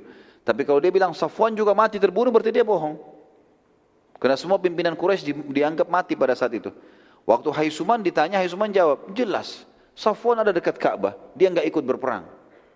Maka orang Mekah akhirnya pada saat itu mulai percaya kalau ini terjadi kekalahan. Dan mereka akhirnya lebih yakin lagi setelah seluruh sisa pasukan kembali masuk Mekah dengan luka-luka, dengan semua menyampaikan berita yang sama, maka akhirnya mereka yakin dengan kejadian kekalahan tersebut. Kita masuk juga dengan kisah atau kasus Abu Sufyan dan meninggalnya Abu Lahab. Setelah kasus Badar, maka yang tertua di Mekah setelah perang Badar dan kala orang-orang kafir Quraisy, di Mekah tertinggal yang dituakan cuma tinggal dua, Abu Sufyan dan Abu Lahab. Ya. Maka penduduk banyak sekali yang menghormati Abu Sufyan karena dianggap dia orang yang memiliki suara yang keras, hartanya banyak dan mengalahkan Abu Lahab. Dan Abu Lahab punya kisah sendiri nanti. Abu Lahab sudah mati. Beberapa hari kemudian Abu Lahab meninggal dunia pada saat itu. Abu Sufyan, dia tahu orang-orang lagi pada sedih semuanya. Dan dia tahu pasukan ini keluar justru untuk membela kafilah yang dia pimpin. Maka bagaimana caranya? Dia bilang, jangan ada yang bersedih, jangan ada yang menangis, serta berduka. Juga jangan ada yang menebus tawanan. Tidak usah ada yang tebus tawanannya. Sampai akhirnya muslimin tambah senang nanti dan tamak terhadap kita. Saya akan bentuk pasukan dan akan menyerang nanti. Dan Abu Sufyan betul melakukan itu. Karena nanti dia bentuk pasukan di tahun 3 Hijriah, satu tahun setelah Badr, terjadi perang Uhud. Dipimpin oleh Abu Sufyan. Sementara Abu Lahab, gara-gara statement tadi Abu Sufyan, orang-orang Mekah mulai agak reda sedikit sedihnya, lalu mereka mulai berkumpul di sekitar Abu Sufyan. Apa yang kita harus lakukan? Baik, kumpulin duit, kumpulin kekuatan, latih militer, segala macam. Berapa waktu kemudian kita akan nyerang. Jadi tahun depannya mereka menyerang. Sementara Abu Lahab punya kisah sendiri. Dia duduk di dekat Ka'bah waktu itu, tepatnya di majlis majlis di sebuah uh, depan halaman rumah, rumahnya Abbas. Abbas bin Abdul kan ditawan nih. Lagi ditawan tadi di Madinah. Kebetulan waktu itu ada istrinya Abbas. Diberikan julukan dengan Ummu Fadl. Ummu Fadl, istrinya Abbas. Waktu itu Abu Lahab sengaja datang ke majelis itu di depan halaman rumahnya Abbas ada tempat duduk dan dia tahu Abbas juga termasuk berita ditawan. Dia mau dapat informasi dari istrinya Abbas. Apa sih sebenarnya benar terjadi? Benar nggak mati? Pemimpin Quraisy saya masih belum percaya gitu. Lalu kemudian datang dia Abu Lahab ke majelisnya karena Abu Lahab dengan Abbas kan saudara, pamannya Nabi dua-dua ya. Jadi ini dia datang ke rumah adiknya Abbas dan dia sedang bertemu dengan istrinya Abbas, berarti adik iparnya dia. Di sekitar majelis tersebut ada seorang yang sedang menjelaskan kejadian perang Badar dan pada mereka eh, pada pada uh, pada Ummu Fadl dengan beberapa teman uh, keluarganya lagi duduk dan orang ini kebetulan ikut waktu itu perang Badar. Jadi dia menceritakan begini terjadi, begini terjadi, begini terbunuhnya, begini terbunuh diceritakan semua sama gamblang. Abu Lahab sempat bertanya, Siapa di antara muslimin yang paling menyusahkan kalian di medan perang? Orang itu berkata, seseorang yang meletakkan bulu, bulu merpati, burung merpati di dadahnya. Dan ini adalah Hamzah bin Abdul Muttalib. Ya. Maka dia berkata, ya, seseorang yang meletakkan bulu merpati, burung merpati di dadahnya. Lalu orang-orang pada bertanya lagi kepada dia, siapa yang itu? Siapa? Kau kenal orangnya? Kata dia, tentu saja. salah satu pimpinan Mekah yang sudah masuk Islam, Hamzah bin Abdul Muttalib. Artinya dia bilang kepada Abu Lahab, saudaramu sendiri. Abu Lahab sama Hamzah saudara. Kakakmu sendiri itu, kakaknya dia ya yang mengalahkan orang-orang kafir Quraisy. Orang tersebut lalu menceritakan, lanjutkan ceritanya begini, begini. Dan dalam ceritanya ini, kesannya membela muslimin. Memang kita kalah. Bahkan dia mengatakan, di pasukan muslimin ada orang-orang yang menggunakan baju-baju putih, badannya kekar-kekar, sangat perkasa, tidak ada yang bisa menangkis pedang-pedangnya. Tidak ada seorang pun bisa mengalahkan mereka. Maksudnya ini kelompok para malaikat. Karena mereka tidak bisa mengalahkan itu memang. Pada saat itu terdapat seorang budak nam, uh, budak, nam, budaknya Abbas ya. Ini bernama Abu Rafi'. Abu Rafi' ini sudah masuk Islam rupanya. Sebelum itu, sebelum Badar dia sudah masuk Islam, tapi dia sembunyikan Islamnya. Maka tiba-tiba dia bilang, itu malaikat yang turun membantu muslimin. Karena semangatnya, si budak ini, budaknya Abbas, tadi dia sembunyikan Islamnya, sekarang dia terang-terangan menyampaikan. Sekarang dia terang-terangan menyampaikan. Maka Abu Lahab tiba-tiba marah kepada budak itu. Dia ambil kayu, kemudian dipukuli budak itu. Terus dipukuli dengan sangat keras. Ummu Fadl sebagai majikannya budak ini, karena kan ini budaknya Abbas, budaknya suaminya. Maka dia berusaha melepaskan Abu Rafi, ditarik-tarik Abu Rafi sama Ummu Fadl agar Abu Lahab berhenti memukulnya, tapi Abu Abu Fadl apa eh, Abu Lahab tidak mau berhenti. Maka Ummu Fadl entah kenapa mengambil sepotong kayu besar lalu dipukulkan ke kepalanya Abu Lahab. Sehingga hanya membuat kepalanya bocor berdarah, jatuh Abu Lahab. Dan gara-gara luka itu, Abu Lahab jadi sakit parah. Dan dia meninggal gara-gara luka itu. Dia meninggal gara-gara luka itu. Jadi saking saking parahnya luka itu sampai membusuk, darahnya terus keluar dan dia tidak bisa makan, tidak bisa minum, tidak bisa buat apa-apa. Si Abu Lahab ini. Gara-gara pukulan ada iparnya sendiri. Dan ini disebabkan karena dia mau memukul budak muslim tadi. Ya, budaknya Abbas. Akhirnya dia ditimpa penyakit yang membuat semua orang menjauh dari dia karena menular dan berbau busuk. Lukanya membusuk, kulitnya semua rusak dan setiap orang yang mendekati tersebar berita ini akan menular. Maka tidak ada yang berani dekati termasuk anak-anaknya sendiri tidak ada yang tidak ada yang mau mendekat. Ya. Akhirnya dua hari setelah kasus perang Badar ini tentu riwayat uh, lain ya, riwayat lain ada yang menyebutkan sepekan Dua hari riwayat pertama yang lainnya mengatakan sepekan setelah perang Badar dan luka di kepala Abu Lahab, Abu Lahab pun mati dalam kondisi sangat mengenaskan. Semuanya badannya berwarna hitam, busuk kan gitu. Sampai tidak seorang pun mau mendekatinya termasuk anak-anaknya sendiri tidak ada yang mau memandikan jenazahnya. Karena khawatir tertular. Maka anak-anak Abu Lahab melakukan satu inisiatif jadi dia meninggal di kamar tidurnya, maka mereka melempari batu kamar tidur itu sampai penuh dari jauh dan mereka tidak lagi mau memakai rumah itu. Mereka tidak mau lagi memakai rumah itu. Anak-anaknya sendiri Abu Lahab dan akhirnya dia mati dalam keadaan terhina seperti ini. Sekarang kita pindah ke kisah lain, kisah Suhail bin Amr. Ini masih berhubungan dengan perang Badar semuanya ya. Salah satu tawanan Badar adalah Suhail bin Amr. Suhail bin Amr ini yang datang negosiasi ya. Uh, dia bukan mendeklarasikan. Dia ini Suhail bin Amr ini salah satu khatibnya Quraisy, ya. Dia sangat mahir gitu, mengucapkan syair-syair segala macam dan tujuannya untuk memerangi khutbah-khutbah Nabi sallallahu alaihi wasallam. Umar bin Khattab pada lihat Suhail bin Amr berada dalam tawanan, ia pun senang dan berkata pada Nabi SAW, Ya Rasulullah, ini tawanan kita Suhail bin Amr. Salah satu yang memang suka menghina-hina Islam dan anda dengan kalimat-kalimatnya. Orangnya mahir berbicara. Maka Nabi SAW kata kata eh, Umar eh, Umar ya Rasulullah izinkan saya bunuh. Kata Nabi SAW jangan. Ya. Pertama begini, waktu Umar mengatakan ya Rasulullah, di dalam tawanan ada Suhail bin Amr, kata Nabi SAW, saya sudah dapat beritanya. Kata Umar, izinkan aku membunuhnya ya Rasulullah. Rasulullah SAW mengatakan, jangan, biarkan dia hidup. Umar, Umar lalu berkata, kalau begitu izinkan aku menjatuhkan semua giginya agar mulai hari ini dia tidak lagi khutbah untuk menyalahkan anda. Larang bunuh nggak apa-apa, tapi giginya semua saya jatuhin. Gitu kan.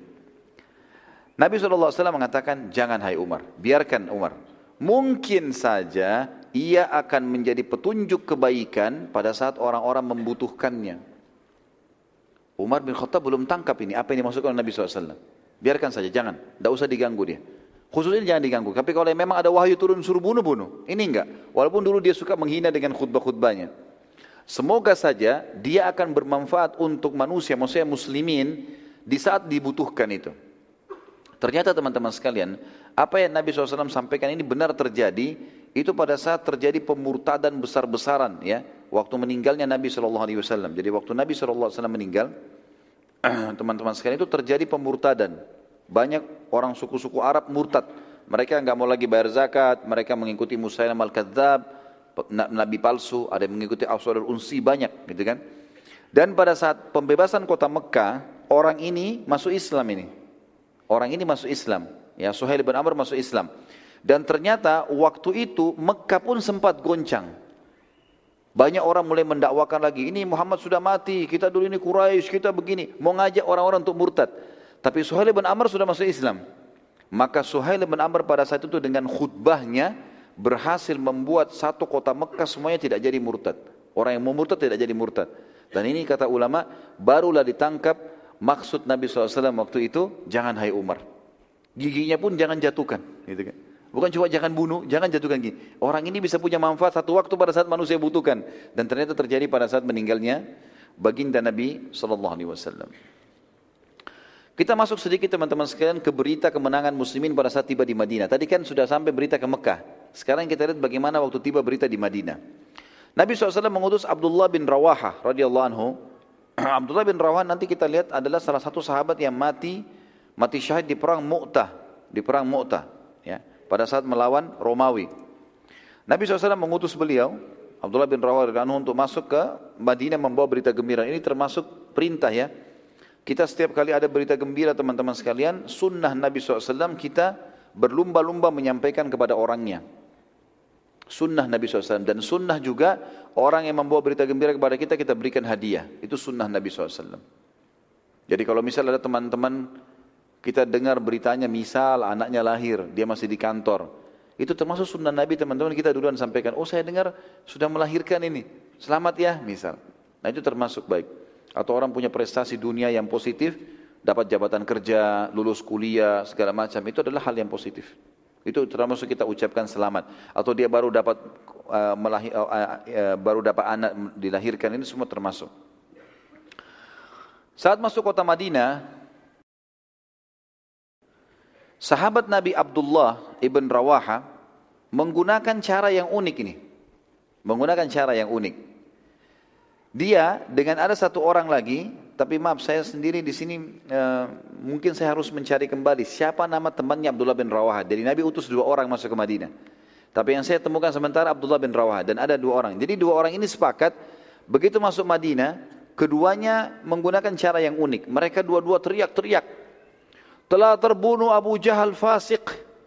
Telah terbunuh Utbah bin Rabi'ah fasik. Telah terbunuh Syaibah bin Rabi'ah yang fasik telah terbunuh Uqbah bin Mu'aid fasik. Lalu mereka sebutkan satu persatu nama tokoh-tokoh Quraisy. Orang-orang Madinah tahu ini, pemuka-pemuka Quraisy. Jadi mereka nggak bilang, Alhamdulillah kita menang.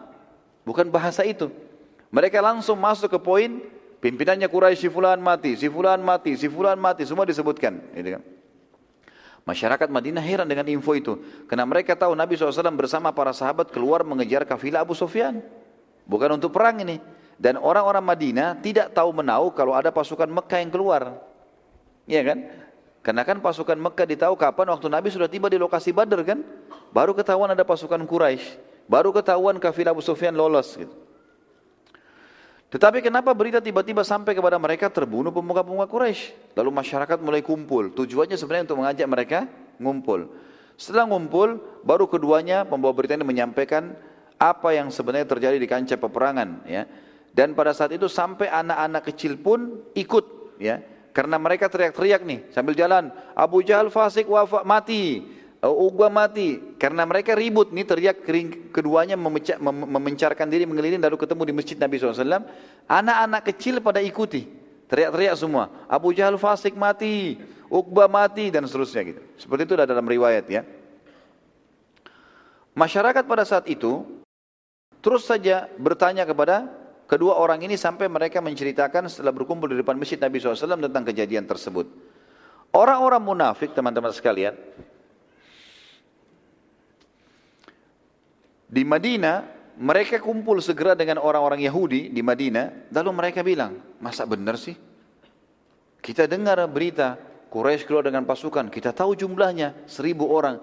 Kita tahu jumlah Muhammad dan pasukannya 300 orang sekian Abu Sufyan lolos, kok bisa pasukan Quraisy kalah? Benar gak ini? Kita pastikan. Kemudian mereka berkata, demi Allah, kedua orang ini telah berbohong. Lalu mereka menyebarkan berita bahwa muslimin telah kalah, Muhammad telah terbunuh dengan bukti tidak kembali ke Madinah dan kedua orang ini pembawa berita menunggangi ya menunggangi untanya dan berita kemenangan tersebut hanya untuk menenangkan kaum muslimin.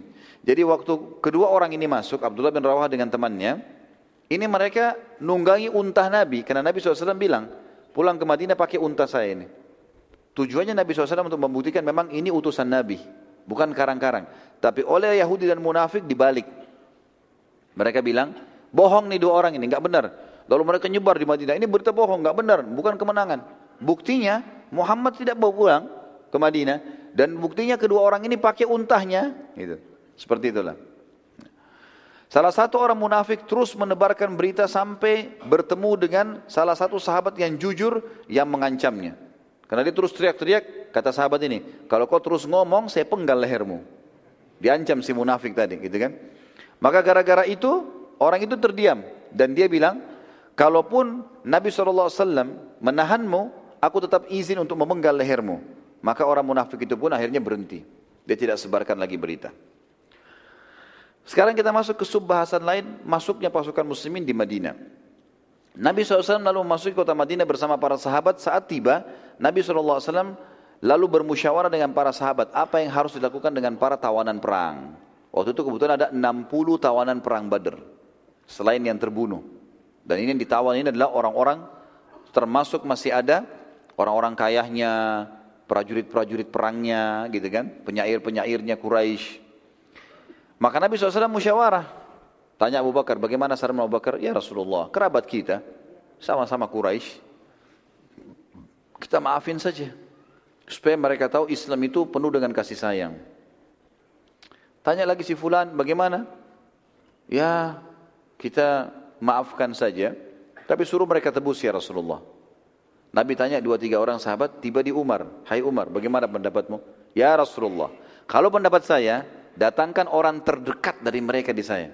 Dari 60 orang ini siapa kerabat saya paling dekat, saya tebas lehernya. Datangkan orang terdekat Abu Bakar suruh tebas lehernya. Si Fulan suruh tebas lehernya. Dia harus bunuh kerabatnya sendiri. Kata Nabi SAW, kenapa hai Umar? Ini tegas ini kenapa? Ya Rasulullah, ada alasannya.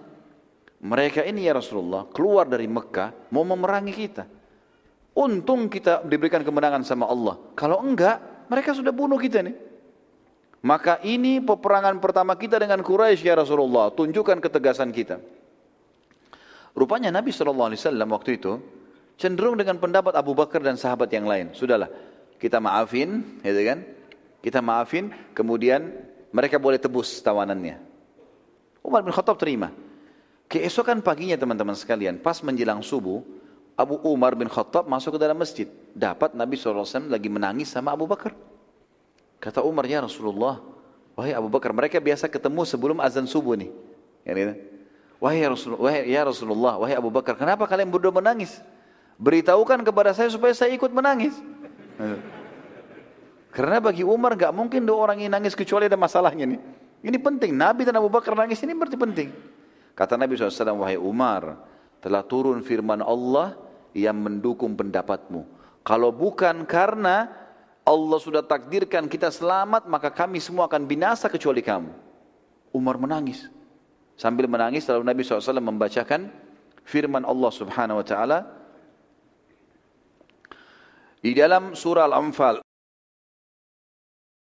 Surah nomor 8 ayat 67 sampai 68. Dua ayat turun waktu itu. Yang mendukung pendapat Umar bin Khattab radhiyallahu anhu. Allah SWT berfirman, "A'udzu billahi minasyaitonir ma kana li nabiyyin ay yakuna lahu asra hatta yuthkhina fil ard. Turiduna arada ad-dunya wallahu yuridul akhirah wallahu azizun hakim." Laula kitabun min Allah sabaqa lamassakum fima akhadtum adzabun azim. Artinya, tidak patut kata Allah bagi seorang nabi mempunyai tawanan sebelum ia dapat melumpuhkan musuhnya di muka bumi.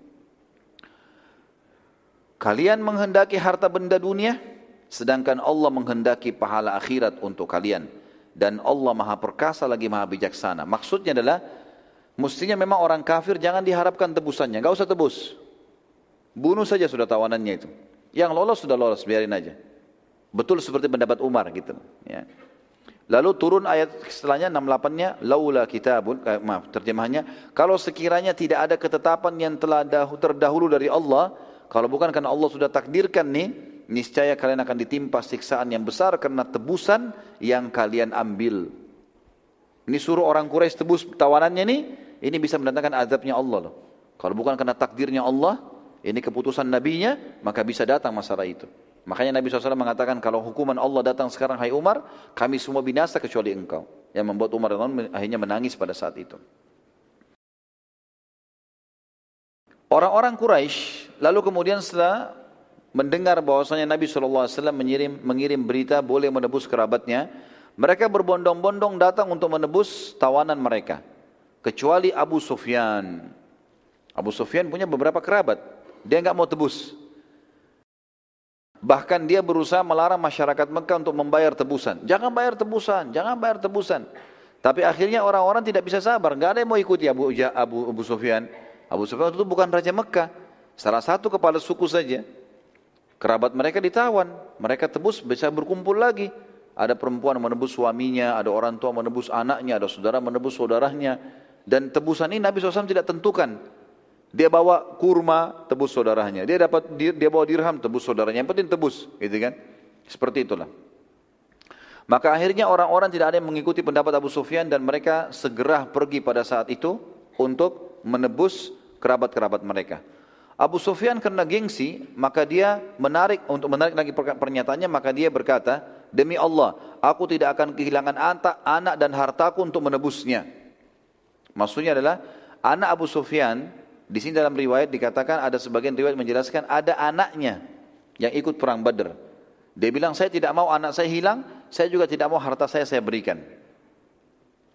Abu Sufyan lalu menunggu hingga ada salah seorang muslim yang datang dari Madinah untuk umroh yang ia tawan. Jadi ternyata ada satu orang muslim datang, bukan dari penduduk Madinah, orang muslim yang tapi dia tahu ini muslim.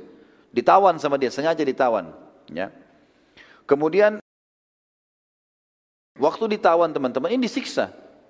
Dan ini pertama kali terjadi sejarah semenjak adanya kota Mekah, itu orang umroh, orang ihram ditawan. Selama ini nggak pernah ada. Walaupun itu musuh, nggak boleh kalau lagi pakai baju ihram. Masyarakat Mekah mengingatkan Abu Sufyan, bila engkau tidak melepaskan muslim yang sedang umroh yang engkau tawan, maka pasti tidak ada lagi orang yang mau datang haji atau umroh ke Mekah ini. Karena merasa tidak aman. Abu Sufyan menjawab, aku tidak peduli. Sampai muslimin melepaskan anakku.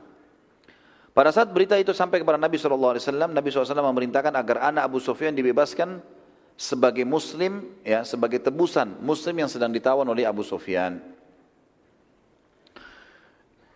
Termasuk kisah berhubungan dengan masalah Badr ini teman-teman sekalian adalah kisah Abul As. As bin Abul As. Siapa orang ini teman-teman sekalian? Ada yang tahu? Hah? Siapa yang tahu? Saya kasih buku nih. Ahsant. Nih, ambil dua sekalian. Menantu Nabi SAW. As bin Abi As. Ini menikah dengan siapa? Zainab. Mesti ente jangan jawab lagi. Sini ada angkat tangan tadi, tapi sudah disebut. Baik. Anak mantu Nabi SAW, Nabi kan punya empat anak perempuan ya empat anak perempuan. Siapa yang mau sebutin? Hah? Hah?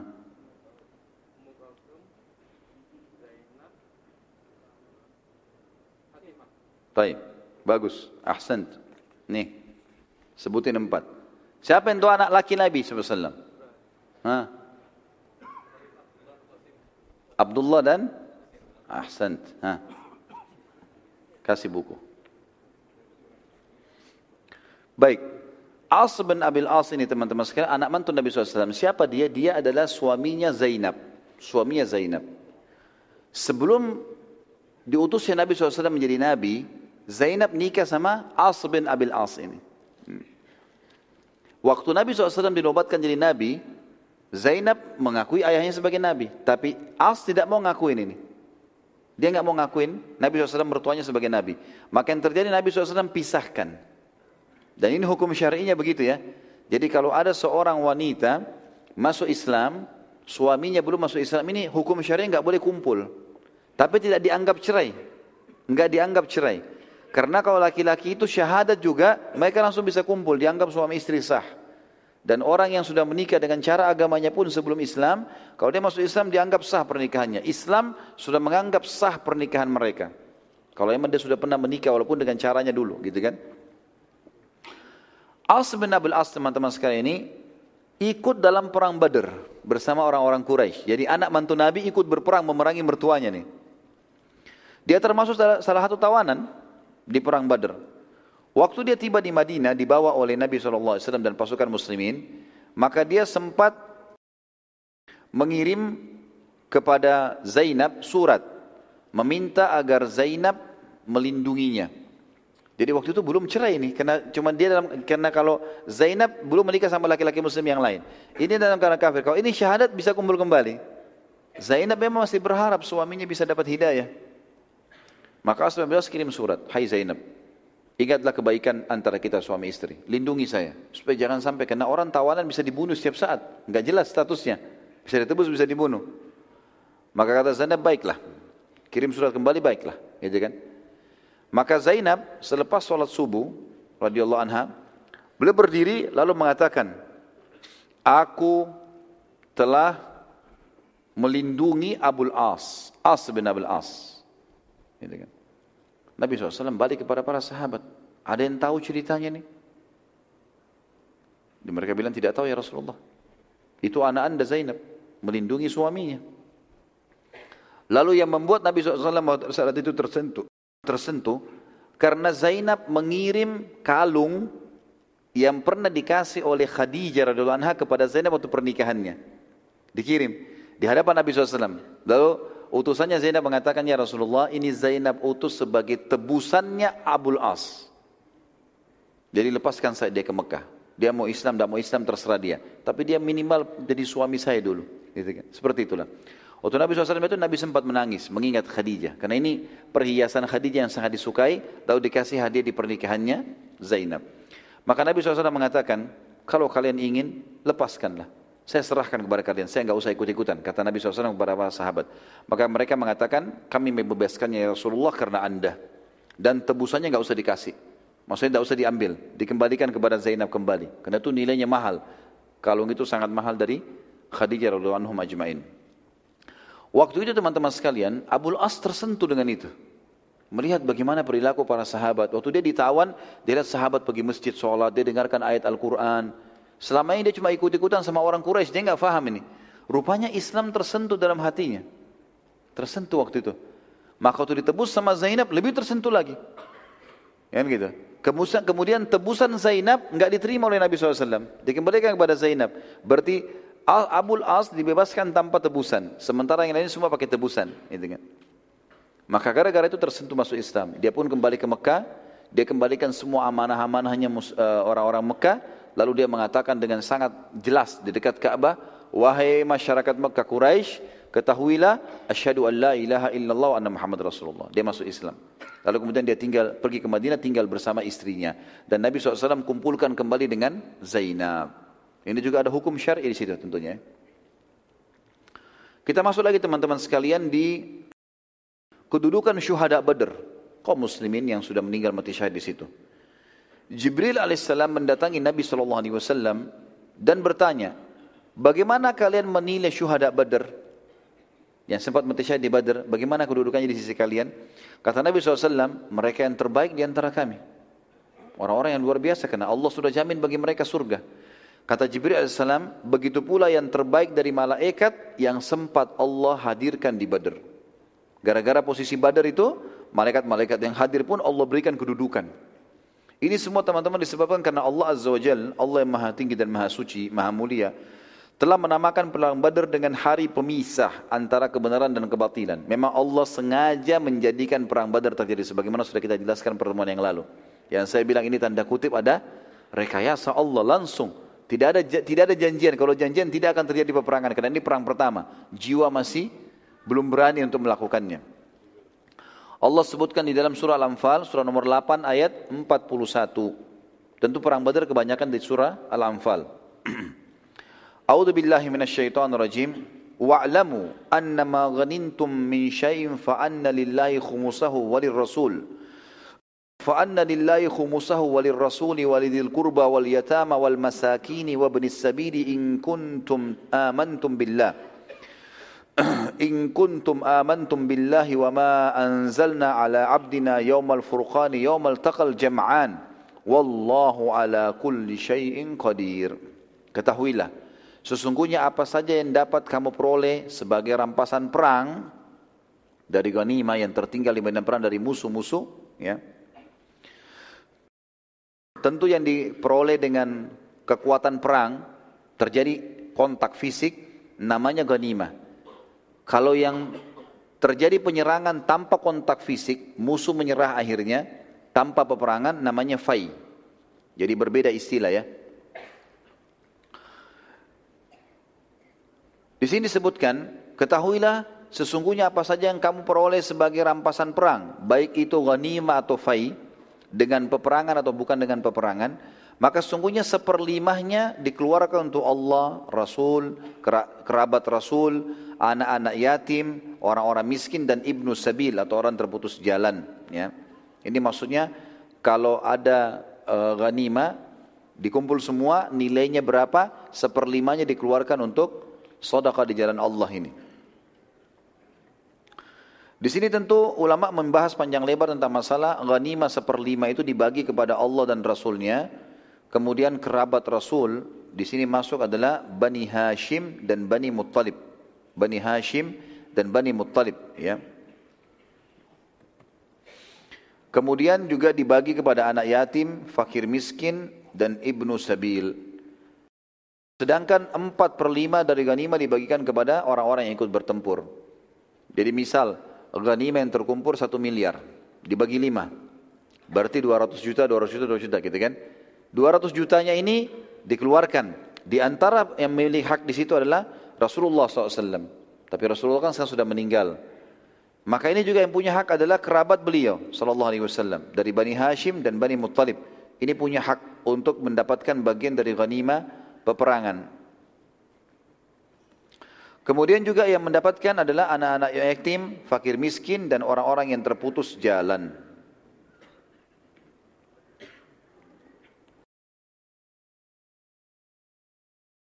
Kata Allah SWT dalam ayatnya, jika kalian beriman kepada Allah dan kepada apa yang telah kami turunkan kepada hamba kami Muhammad di hari Furqan. Maksudnya yang turun kepada Muhammad SAW adalah Al-Quran, Kemudian juga turunnya para malaikat dan hari Furqan maksudnya adalah hari yang memisahkan antara kebenaran dan kebatilan itu yang disebutkan namanya perang Badr. Yaitu di mana hari bertemunya dua pasukan yang Allah Maha Kuasa atas segala sesuatunya. Baik. Kita sekarang masuk teman-teman sekalian ke kematian Abu Jahal, Fir'aunnya umat ini. Kita review kembali masuk ke kancah peperangan. Jadi waktu tadi kakinya ditebas oleh Mu'adz dan Auf Ibn Afra. Maka pada saat ditebas berdarah dia jatuh, rupanya orang-orang meninggalkan dia. Sempat ada riwayat yang mengatakan dia dibawa ke pinggiran pasukan. Mereka mau berusaha obati nggak bisa karena darahnya ngucur terlalu banyak.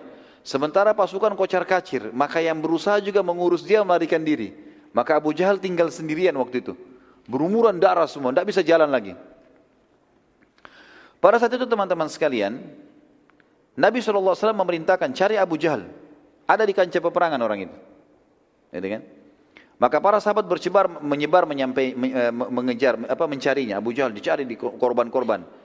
Sahabat Nabi Abdullah bin Mas'ud tadi yang kita ceritakan postur tubuhnya sangat kecil. Dulu ini Abdullah bin Mas'ud termasuk orang yang dilemahkan di Mekah. Orangnya sangat kurus dan dia cuma tugasnya menjual jasanya untuk gembalakan kambingnya orang. Radhiyallahu anhu. Tapi itu Islam tidak lihat, Islam lihat keimanannya. Abdullah bin Mas'ud adalah ulama yang muslimin setelah masuk Islam gitu kan. Abu Jahal salah satu orang yang suka menyewa jasanya Abdullah bin Mas'ud dulu di Mekah. Suruh gembala-gembalaan kambing bayar gitu kan. Maka Abu bin Mas'ud ikut mencari dan dia menemukan Abu Jahal dalam keadaan sudah setengah sadar. Udah darah semuanya, udah nggak bisa lemas sekali. Saat Abdullah bin Mas'ud berdiri di dekat kepala Abu Jahal, Abu Jahal yang tidak jelas melihat Abdullah berkata, kemenangan di pihak siapa? Dia masih tanya Abdullah bin Mas'ud. Dia nggak tahu nih kalau orang Quraisy kalah gitu. Abdullah bilang, pada Allah dan Rasulnya wahai musuh Allah. Abu Jahal bilang, tidak masalah. Apa ada kemuliaan dari seseorang yang dibunuh oleh kaumnya sendiri dan bukan musuh selain kaumnya? Artinya, walaupun kami kalah, saya juga mati, tetap saya mulia karena saya dibunuh oleh kaum saya sendiri, bukan orang lain. Pernyataan ini sebenarnya orang-orang Arab tahunya adalah bentuk kesombongan. Kalimat ini bentuk kesombongan dalam bahasa Arab. Bisa dibayangkan saat dia mau mati pun dia masih bisa sombong orang ini. Ya. Abdullah bin Mas'ud lalu menaiki dadanya Abu Jahal. Karena Abdullah bin Mas'ud, Abu Jahal orangnya besar, Abu Mas'ud kecil, naik di dadanya, duduk. gitu kan. Dan tujuannya ingin memenggal kepalanya Abu Jahal. Ini mau ditembas nih bawa ke Nabi ya Rasulullah ini orangnya gitu. Ternyata Abu Jahal mengenali wajah Abdullah bin Mas'ud. Sudah dekat kelihatan. Ini penggembala kambing saya dulu. Di Mekah ini. Maka dia berkata pada Abdullah, Bukankah kamu dahulu yang mengembalakan kambing-kambing kami? Abdullah menjawab, iya benar. Abu Jahal bilang, sungguh kamu sudah melakukan perbuatan yang sangat tidak pantas dengan orang yang eh, tidak sederajat dengan wahai pengembala kambing. Jadi sebenarnya ulama bilang, perkataan ini mirip begini. Sungguh engkau telah menaiki gunung, perkataan Abu Jahal begini maaf. Dia bilang, sungguh kamu sedang berada di atas gunung yang kekar, wahai pengembala kambing. Perkataannya maknanya begini, sungguh kau sudah melampaui perbuatanmu, naik di dadaku, sementara aku di atasan, seperti itulah. Ya.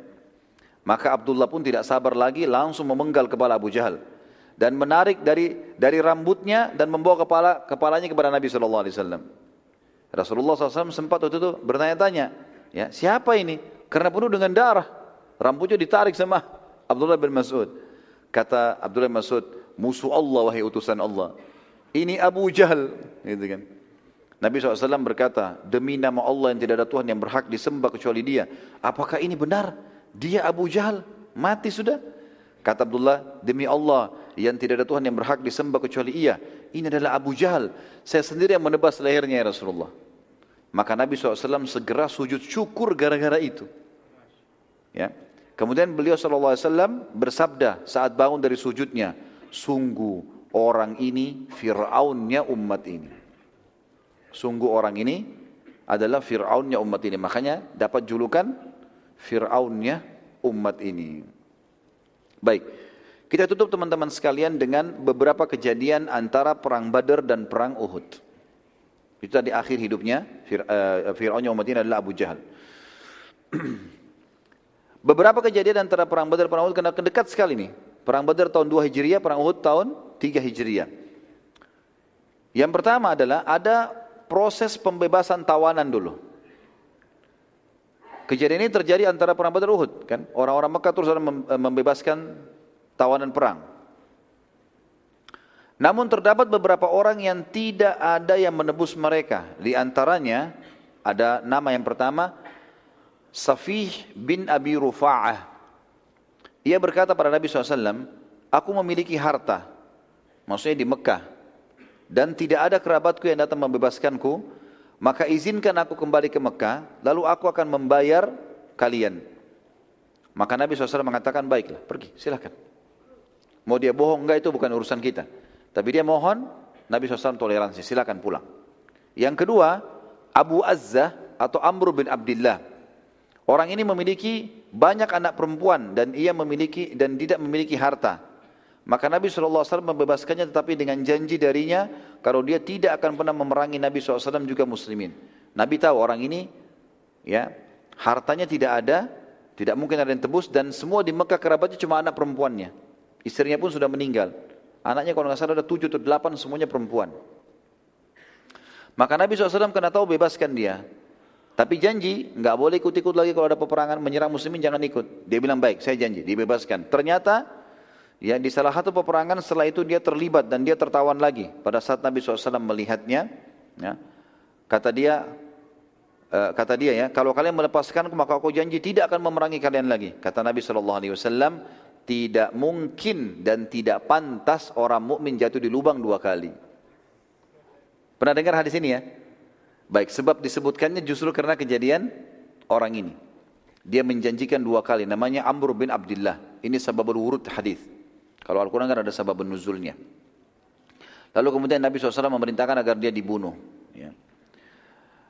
Kemudian ada juga anaknya Abu Sufyan yang ditebus dengan tawanan seorang muslim yang ditawan oleh Abu Sufyan pada saat tadi umroh. Tapi ini tidak disebutkan oleh buku-buku sejarah siapa yang ditawan ini. Karena anak Abu Sufyan cukup banyak. Tapi akhirnya dibebaskan ke Mekah. Ini kejadian pertama antara perang Badar dan perang Uhud. Sekarang kita masuk kejadian kedua ada Gazwat Bani Sulaim dan Gazwat Suwaik. Gazwa, saya pernah jelaskan teman-teman, kalau peperangan dihadiri oleh Nabi SAW dikatakan the Gazwa namanya. Peperangan dihadiri Nabi SAW namanya Gazwa. Kalau peperangan tidak dihadiri Nabi SAW namanya Ma'rakah dalam bahasa Arab. Ya. Kalau pasukan kecil untuk menyerang, mengintai, menakut-nakuti musuh namanya sariyah. Waktu itu Abu Sufyan bersumpah setelah kekalahan musyrikin Mekah di Badar bahwa ia tidak akan mandi janabah sampai ia memerangi muslimin. Maksudnya adalah dia mau gauli istrinya, habis itu dia tidak mau mandi janabah sampai dia nyerang muslimin baru dia kembali lagi nanti dia mandi setelah itu. Seperti itulah sumpah dia pada saat itu. Maka ia pun berhasil mengumpulkan 200 orang yang kerabatnya ada yang jadi korban di Badar, lalu kemudian mereka berkumpul. Lalu segera mereka menuju ke Madinah. Sampai tiba di sekitar Madinah, kaum muslimin tidak tahu kalau Abu Sufyan ini datang. Lalu Abu Sufyan menyurati kaum Yahudi di Madinah agar mendukung dari dalam kota. Yang pertama ia surati dari kaum Yahudi adalah Huyai bin Akhtab. Huyai bin Akhtab. Ya, ini nanti ini sebenarnya kalau dia hidup, dia mertua Nabi ini. Tapi dia mati terbunuh. Nah. Huyai bin Akhtab ini nanti terbunuh di perang uh, Quraidah, Bani Quraidah. Nanti kita jelaskan masalah itu. Tapi dia salah satu pimpinan suku Yahudi di Madinah. Yang pada saat itu spontan menolak dan berkata, tidak, aku takut pada Muhammad. Tidak mau dukung. Apalagi pasukanmu cuma 200 orang. Seribu aja di Badar dikalahin. Apalagi 200 gitu. Dan mau nyerang Madinah. Lebih kuat lagi muslimin, gak mungkin. Abu Sufyan lalu menyurati Salam bin Mushkim, salah satu pimpinan Yahudi ini juga nanti kita akan bahas, dia akan terbunuh di perang Khaybar. Pada saat itu Salam bin Mushkim mendukung, mendukung Abu Sufyan. Dia mengatakan baiklah, saya akan coba mencari tahu informasi tentang tempat senjata kaum muslimin dan kekuatan mereka. Dan dari pintu mana kamu bisa masuk. Saat sebagian muslimin sedang lalai di perbatasan Madinah, Abu Sufyan rupanya tidak sabar, tidak mau sabar menunggu beritanya Salam bin Mushkim, maka dia lihat ada muslimin punya perkebunan kurma di luar Madinah, keluar dari pintu gerbangnya Madinah. Keluar, ada yang mengembalakan kambing di luar. Karena dia tidak sabar, maka dia menyerang itu. Dia kan tadi janji, dia tidak mau mandi janabah sampai dia menyerang muslimin. Yang penting serang saja. Mau kalah, mau menang, pokoknya nyerang. Nunjukkan kepada orang Mekah kalau dia bisa menyerang Madinah. Karena orang Mekah sudah putus asa. Nggak ada lagi yang mau menyerang Madinah waktu itu. Maka pada saat itu Abu Sufyan menyerang beberapa pemilik-pemilik kebun kurma yang di pinggir di luar gerbang Madinah dan juga para pengembala. Karena jumlah mereka sedikit, akhirnya mereka berhasil dibunuh oleh Abu Sufyan dan salah satu dari orang tersebut, eh, maaf, beberapa orang tersebut selamat tapi yang dibunuh satu orang oleh Abu Sufyan. Dan Abu Sufyan mengambil pemiliknya orang muslim itu, pedangnya, ya, alat-alat uh, alat-alat cangkulnya segala macam diambil dibawa ke Mekah. Pada saat berita tersebut didengar oleh Nabi SAW, Nabi SAW segera membentuk pasukan dan mengejar Abu Sufyan dengan pasukannya tadi. Pengejaran tersebut dipimpin langsung oleh Nabi SAW. Dan ini disebut dengan gazwah. Karena Nabi ikut sendiri ya. Dan dikatakan gazwah Bani Sulaim dan atau Gazwa Suwaik. Tadi mungkin saya keliru mengucapkan di awal. Jadi bukan dua peperangan tapi satu. Gazwa Bani Sulaim atau Gazwa Suwaik. Sebabnya dikatakan ini kenapa? Karena Nama kurma yang banyak dibawa oleh Abu Sufyan pada saat itu adalah nama kurma yang dikenal dengan nama Suwaik. Dan mereka makan kurma, lalu bijinya dibuang-buangin. Nah karena Abu Sufyan waktu lari dikejar, banyak biji kurmanya Suwaik, maka diistilahkan dengan Gazwat Suwaik. Karena kurma-kurma tersebut menjadi beban bagi Abu Sufyan dan pasukannya, maka untuk melarikan diri ke Mekah, maka mereka melepaskan itu. Mereka hanya melepas banyak berkeranjang-keranjang dengan unta-unta yang dilepas pinggir jalan sehingga muslimin menjadikannya sebagai ghanimah. Dan akhirnya Abu Sufyan berhasil lolos ke Mekah dan Nabi SAW kembali ke Madinah karena sudah jauh jaraknya. Di antara kejadian besar yang terjadi adalah antara Uhud, antara Badr dan Uhud adalah pernikahan Ali bin Abi Thalib radhiyallahu dengan Fatimah radhiyallahu anha. Di saat itu terjadi pernikahan. Di akhir tahun 2 Hijriyah. Juga yang terjadi, hal yang besar berhubungan dengan rumah tangga Nabi SAW adalah meninggalnya istri Uthman bin Affan Ruqayyah radhiyallahu anha. Pada saat itu meninggal. Dan kita sudah pernah jelaskan pada awal peperangan Badr, kenapa alasannya Uthman tidak ikut perang Badr. Dan waktu pulang, Nabi SAW mengatakan Uthman termasuk orang yang mendapatkan pahala Badr dan juga mendapatkan ghanimah Badr. Karena dia tadinya sudah bersiapkan untuk perang, dia juga sempat biayai perang Badr. Ya, dia sempat biayai kafil apa namanya eh, pasukan yang Nabi kirim tadi untuk menyerang kafilahnya Abu Sufyan. Tapi karena dia istrinya sakit, maka Nabi bilang kau harus jaga Ruqayyah. Jadi dia bukan cuma sekedar jaga istrinya, tapi memang menjalankan perintah Nabi SAW dan Ruqayyah meninggal pada saat itu. Itu kejadian keempat. Kejadian kelima, terjadinya Gazwat Gatafan. Dan Gatafan adalah satu suku yang besar di uh, pinggiran Jazirah Arab yang pada saat itu memang mereka bersiap-siap menyerang Madinah. Maka Nabi SAW menyerang mereka lebih dahulu, tepatnya terjadi di awal tahun 3 Hijriah. Jadi ini rentetan ini semua sampai terjadi perang Badar ya. Jadi kejadian-kejadian yang terjadi. Badr terjadi di Ramadan tahun 2 Hijriah. Perang Sulaik, eh, Bani Sulaim atau Suwaik tadi terjadi di Syawal. Jadi beberapa hari saja. Bulan depannya setelah perang Badr terjadi ini. Zulqa'dah sampai Muharram tidak ada peperangan dan bulan bulan Safar, bulan Safar pada saat itu di tahun 3 Hijriah Nabi SAW menyerang Gatafan. Suku Gatafan suku yang besar. Mereka punya personil perang 10 ribu orang. Nanti akan kita bahas panjang lebar di perang Khaybar bagaimana mereka mendukung Yahudi. Gatafan saat mendengar penyerangan Nabi SAW, mereka melarikan diri ke gunung karena belum siap untuk berperang dan masih takut dengan Nabi SAW setelah mendengar kalau Quraisy dengan seribu orang dikalahkan oleh Nabi SAW. Nabi SAW lalu berkemah di dekat mata air yang dikenal dengan Zi Amr. Mata air Zi Amr oleh karena itu peperangan juga disebutkan dengan Gazwat Zi Amr. Bisa Gazwat Zi Amr atau bisa Gazwat yang Gatafan. Nabi SAW berkemah di lokasi tersebut untuk menunjukkan kekuatan muslimin bahwa Islam sudah ekspansi sampai ke wilayah Najd dan Najd adalah wilayah utaranya Jazirah Arab. Dan suku Gatafan tidak berani menghadapi Nabi SAW. Tentu pada saat itu tidak terjadi kontak peperangan, hanya saja kejadian kecil, ada yang terjadi kejadian kecil di sini. Waktu Nabi Nabi SAW sering kali kalau lagi musuh tidak ada atau nunggu musuh, beliau sering menyendiri. Nabi SAW suka menyendiri, baik di kemahnya, di bawah pohon, dan beliau tidak suka kalau ada yang jaga. Nabi SAW tidak suka dijaga, gitu kan? Nabi SAW duduk, kalau ada sahabat yang duduk temani disilakan. Tapi beliau lebih suka menyendiri. Pada saat Nabi SAW lagi nunggu di sekitar mata air Zi Amr tadi, di tempatnya suku Gatafan ini, Rupanya suku Gatafan kan sembunyi di atas gunung dan di atas gunung susah untuk diserang karena kalau diserang di atas gunung mereka bisa lempar anak panah mengalahkan muslimin. Nabi SAW nunggu di bawah tapi mereka tidak turun. Pada saat Nabi SAW sedang sendirian di kemah dan pintu kemahnya terbuka, rupanya ada orang-orang suku Gatafan melihat dari atas gunung dan mereka mengatakan, sungguh tidak ada kesempatan membunuh Muhammad kecuali saat ini. Siapa yang siap membunuhnya? Kemahnya terbuka, teman-temannya lagi berserakan, tidak ada yang temanin dia sendirian. Maka ada satu orang prajurit Gatafan namanya Dathur bin Harith. Dathur bin Harith. Orang ini mengatakan saya akan melakukannya. Maka dia pun turun menyelinap di antara pasukan muslimin dan pada saat itu Nabi SAW lagi tertidur. Tiba-tiba dengan kelehan tertentu, Dathur bin Harith tanpa diketahui oleh muslimin sudah ada dalam kemah Nabi SAW. Dan luar biasanya dia sudah berada di atas kepala Nabi SAW dan sudah henuskan pedangnya dan diletakkan di leher Nabi SAW. Orang ini sudah di situ, di kemah Nabi. Sahabat pun kalau mau tolong bagaimana caranya tolong ini? Sudah susah. Dia bilang apa? Sahabat ngurumun dekat kemah. Sudah lihat orang ini. Kata dia, siapa yang bisa menyelamat, menyelamatkanmu dariku hai Muhammad? Ini sekarang ini pedang sudah di lehermu. Tinggal aku iris mati nih.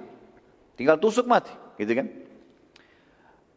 Sementara aku pasti akan membunuhmu. Maka Nabi SAW dengan sangat tenang dan penuh keyakinan mengucapkan satu kalimat. Allah. Kalimat itu saja. Tiba-tiba dengar kalimat Allah dengan hikmah Allah, Dathur bin Harith ini terdorong ke belakang. Tiba-tiba terdorong, ya entah bagaimana terjadi. Yang jelas kemudian dia terjatuh dan pedangnya jatuh. Dengan sangat cepat Nabi SAW berdiri megang pedang lalu menaruh di lehernya Dathur. Lalu kata Nabi SAW kepada Dathur, siapa yang bisa menyelamatkanmu dariku sekarang? Maka Dathur berkata tidak ada. Perdamaian hai Muhammad, perdamaian. Hmm. Damai. Hmm. Maka pada saat Dathur balik ke kaumnya, Nabi lepaskan, ya sudah, sudah, lepas. Bayangkan ya, Nabi sudah mau dibunuh loh ini. Nabi masih biarkan, sudah pergi aja. Dia pergi. Lalu kemudian karena dia bilang damai damai ya, kalau dia juga sombong disebutin nama patung, mungkin Nabi sudah tebas. Maka di sini Dastur waktu pulang ke kaumnya ditanya oleh kaumnya, ada apa? Ya. Kenapa kamu waktu bagaimana ceritanya? Dia bilang saya begini, saya begitu. Dan pada saat Muhammad menyebutkan nama Allah, tiba-tiba saya merasa ada yang mendorongku dengan sangat keras. Dan aku tidak tahu apa, aku tidak bisa lihat. Dan Muhammad memiliki kelehan yang luar biasa sampai dia bisa membalikan keadaan. Maka aku pun menyerah.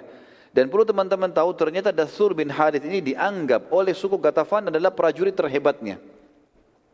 Berarti dengan perilaku ini yang lainnya pasti tidak mampu lagi.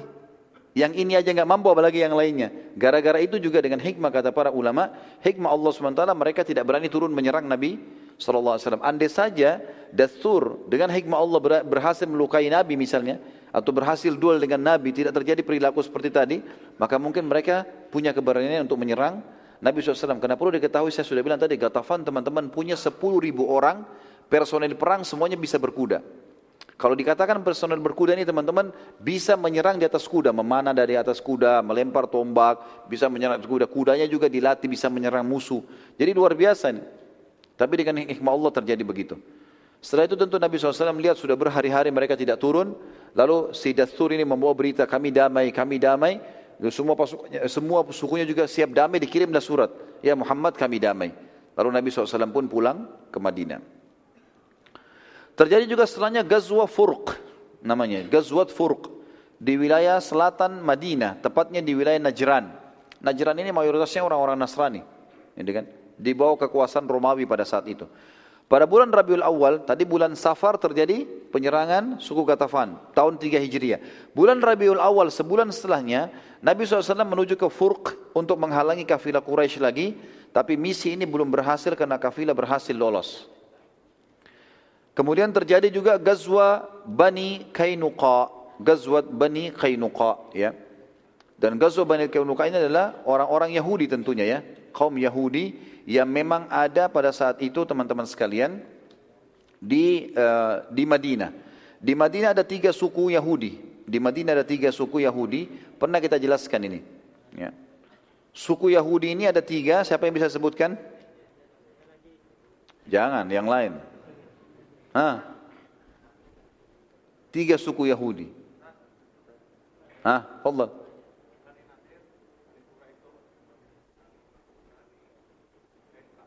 Taib, ahsan. Ini pentingnya majelis ilmu harus harus hafal ini ya. Jangan cuma masuk sini keluar sini, tutup yang ini. Biar dia tinggal di dalam ini. Jadi tiga suku Yahudi, Kainuqa, Nadir dan Quraidah. Sering kita ulang ini. Dan ini perlu diketahui teman-teman karena mereka yang hidup sesama dengan Nabi SAW. Dan setelah itu banyak Yahudi sekarang menyebar dari tiga suku ini. Seluruh dunia, kebanyakan dari mereka. Gitu kan? Baik. Suku Yahudi ini tiga-tiganya diusir dari Madinah. Dan mereka nanti menuju ke Khaybar, lalu mereka diusir dari Khaybar, keluar dari Jazirah Arab di zaman Umar bin Khattab. Nanti kita akan jelaskan panjang lebar semua masalah itu. Dan jelas, mereka dikeluarkan dari Madinah karena ada sebabnya. Selama orang kafir di wilayah muslim tidak buat masalah, tidak akan diganggu. Dan itu subhanallah sudah menjadi sebuah uh, sorotan mata di dunia ini. Semua orang tahu. Kalau negara itu mayoritas muslim, non muslimnya tidak diganggu. Kalau kita balik, muslim yang minoritas sudah umum kalau ditindas. Gitu kan? Itu subhanallah terbukti dalam fakta sejarah. Ini juga terlihat di depan mata. Orang-orang Yahudi di Madinah selama tidak buat masalah, Nabi SAW tidak tidak ganggu sama sekali. Termasuk tadi ada Salam bin Mushkim, pimpinan mereka, yang mau coba bantu Abu Sufyan, Nabi tahu, tapi Nabi tidak hukum karena Abu Sufyan tidak berhasil masuk. Kalau berhasil masuk baru dihukum gitu loh. Suku Kainuqa ini teman-teman sekalian salah satu suku Yahudi yang pertama yang diusir, ya, suku pertama Yahudi yang diusir oleh Nabi SAW ada sebabnya. Kalau saya ibaratkan meja ini kota Madinah, yang saya sedang di depan saya meja ini, ada benteng Madinah mengelilingi kota Madinah, tembok yang tinggi dan ada pintu gerbangnya dari muka dan belakang biasa dibuka di waktu tertentu pagi, malam ditutup. Di dalam kota Madinah teman-teman, setiap suku juga punya benteng-benteng. Setiap suku juga punya benteng. Ini ada benteng, ada benteng. Termasuk tiga suku Yahudi itu punya benteng. Kainuka punya benteng sendiri. Di dalam benteng mereka ini teman-teman, semua rumah sukunya, satu sukunya, dalam ada pasar, ada uh, sumur, ada peternakan, ada luar biasa. Seperti satu kota. Kota di dalam kota gitu. Gitu kan? Jadi semua. Jadi musuh-musuh pun tidak bisa menyerang mereka. Seperti itulah. Nanti kita akan lihat bagaimana Nabi SAW mengepung benteng-benteng mereka. Suku Kainuqa ini dan suku-suku yang lain kalau pagi mereka buka pintu gerbangnya untuk memberikan kesempatan orang kalau mau belanja di pasar. Rupanya ada satu orang muslimah, sahabiat Nabi, masuk ke toko emas. Punya salah satu anak muda Yahudi Kainuqa. Rupanya wanita ini bercadar mau beli emas. Gitu kan? Digodai oleh penjaga toko ini. Yang pemilik toko orang Yahudi. Suruh buka cadarnya, dirayu-rayu. Sahabatnya ini tidak layani. Waktu dia lihat godaan ini mengganggu dia dan sampai dia mau keluar. Rupanya dengan sangat lihai si Yahudi ini. Dia mencantolkan, dia mengejar dari belakang, dia mencantolkan besi tajam. Ya, besi yang tajam kayak kail. Yang akhirnya waktu sahabat ini jalan, sobek bajunya. Dan karena dia tidak tahu kalau itu ter terpasang, maka sobek dari bawah sampai ke atas bajunya, sobek, kelihatan auratnya. Gitu kan. Lalu pemilik toko ini sama teman-temannya tertawakan sambil lihat auratnya. Lewat satu orang sahabat Nabi laki-laki, kemudian sahabat ini lihat si Yahudi tadi. Dia tahu ini pemilik tokonya siapa. Dia juga kebetulan mau belanja di pasar itu. Dia bawa pedang. Dia datangin, dia lihat muslimin, ditanya kenapa ini orang memalukan saya. Ditebas sama si muslim. Pemilik tokonya dibunuh. Orang-orang pasar Yahudi kena lihat ini lagi dibunuh, maka mereka pun mengeroyoki si muslim. Waktu dikeroyoki si muslim tadi teman-teman sekalian, sahabat tadi sempat lari pulang. Berusaha menutup bajunya yang sudah sobek tadi, kemudian datang kepada Nabi SAW, Ya Rasulullah ceritanya begini. Karena wanita ini terpercaya di tengah-tengah Nabi, di tengah muslimin dan Nabi SAW tahu siapa dia, maka Nabi tidak pakai banyak tanya, langsung langsung saja Nabi SAW mengepung, membentuk pasukan mengepung Kainuqa, mengepung Kainuqa. Dan pada saat itu teman-teman perlu kita tahu ya, Kainuqa itu waktu itu di bentengnya memiliki 700 orang personel perang. Ini tentara yang sudah dilatih militer. 700 orang. Dan mereka bersenjata lengkap. Mereka juga memiliki benteng yang sangat kokoh di Madinah. Di dalam benteng tersebut semuanya ada sumur, pasar, perkebunan, peternakan, dan cukup untuk memberikan mereka kehidupan kalaupun ada musuh sedang mengepung mereka satu bulan atau dua bulan mereka tidak apa-apa nggak keluar. Semuanya ada. Gitu. Kainuka waktu mengetahui Nabi SAW mengepung mereka, maaf, cukup kebutuhan itu satu tahun ya, bukan satu bulan, satu tahun. Diriwayat mengatakan begitu. Waktu Nabi SAW mengepung Kainuka dan meminta, Nabi minta yang membunuh sahabat tadi, muslim tadi, semua yang ikut partisipasi membunuh di pasar, serahkan kepada kami. Itu saja. Kalau enggak kami akan serang benteng ini. Rupanya mereka dengan sombong mereka mengatakan dari atas benteng mereka, Hai Muhammad, apa kau pikir kami takut? Apa kau pikir kami seperti, seperti Quraisy yang bisa kau kalahkan begitu saja?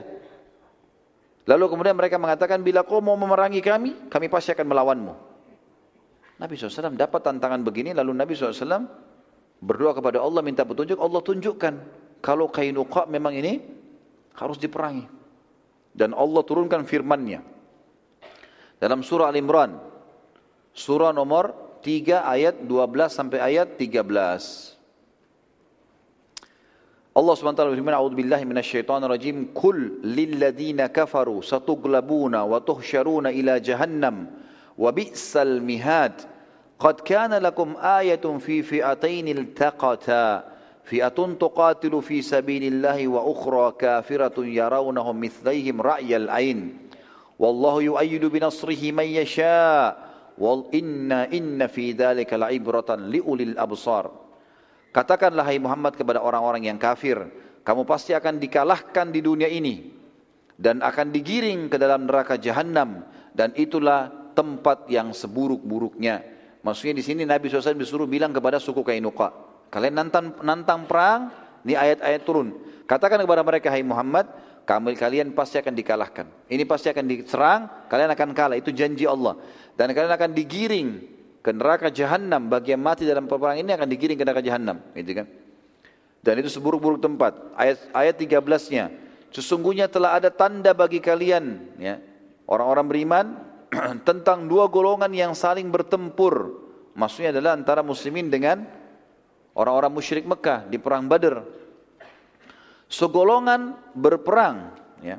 Jadi di sini disuruh katakan hai manusia Maaf, tadi saya bilang orang beriman. Jadi Allah mengatakan, hai orang-orang Yahudi, seperti itulah.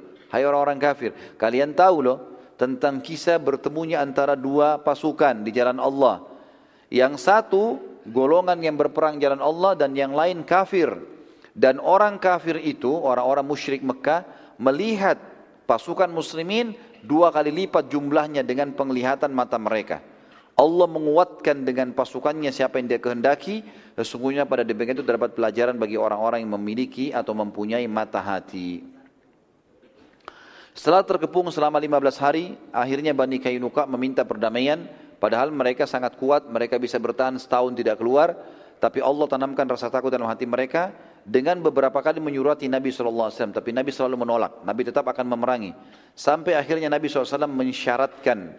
Kalau mau maka kalian harus tunduk dengan hukumku. Terserah, aku mau lakukan apa saja pada kalian.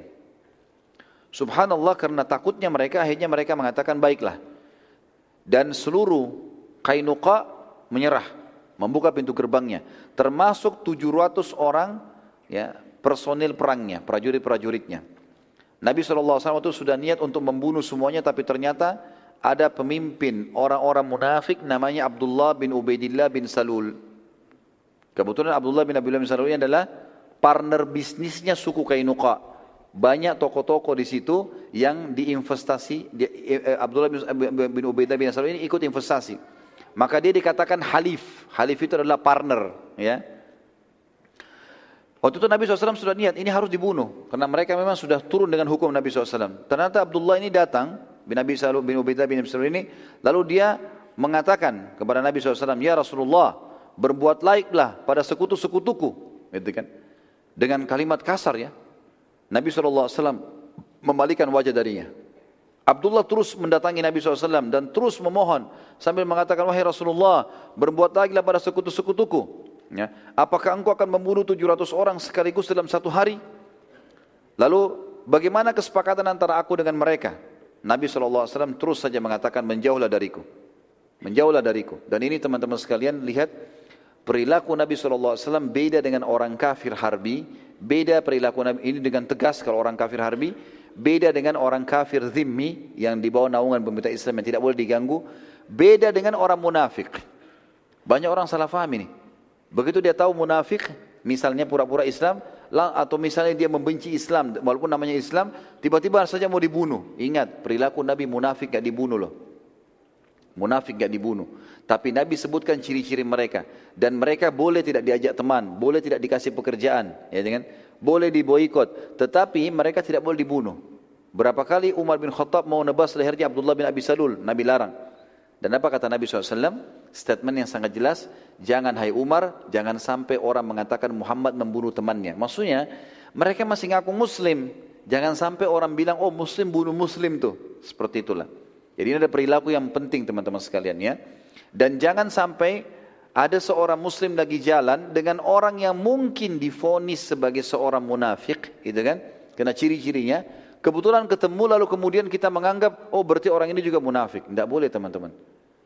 Bagaimana orang-orang yang suka fonis begini kalau dia lihat waktu Abdullah bin Abi ini Abdullah bin Ubaidah misalnya datang ke Nabi SAW dan ngomong, Bagaimana kalau di zaman Nabi ada kamera teman-teman sekalian dan mereka lihat orang-orang munafik dulu di majelisnya Nabi.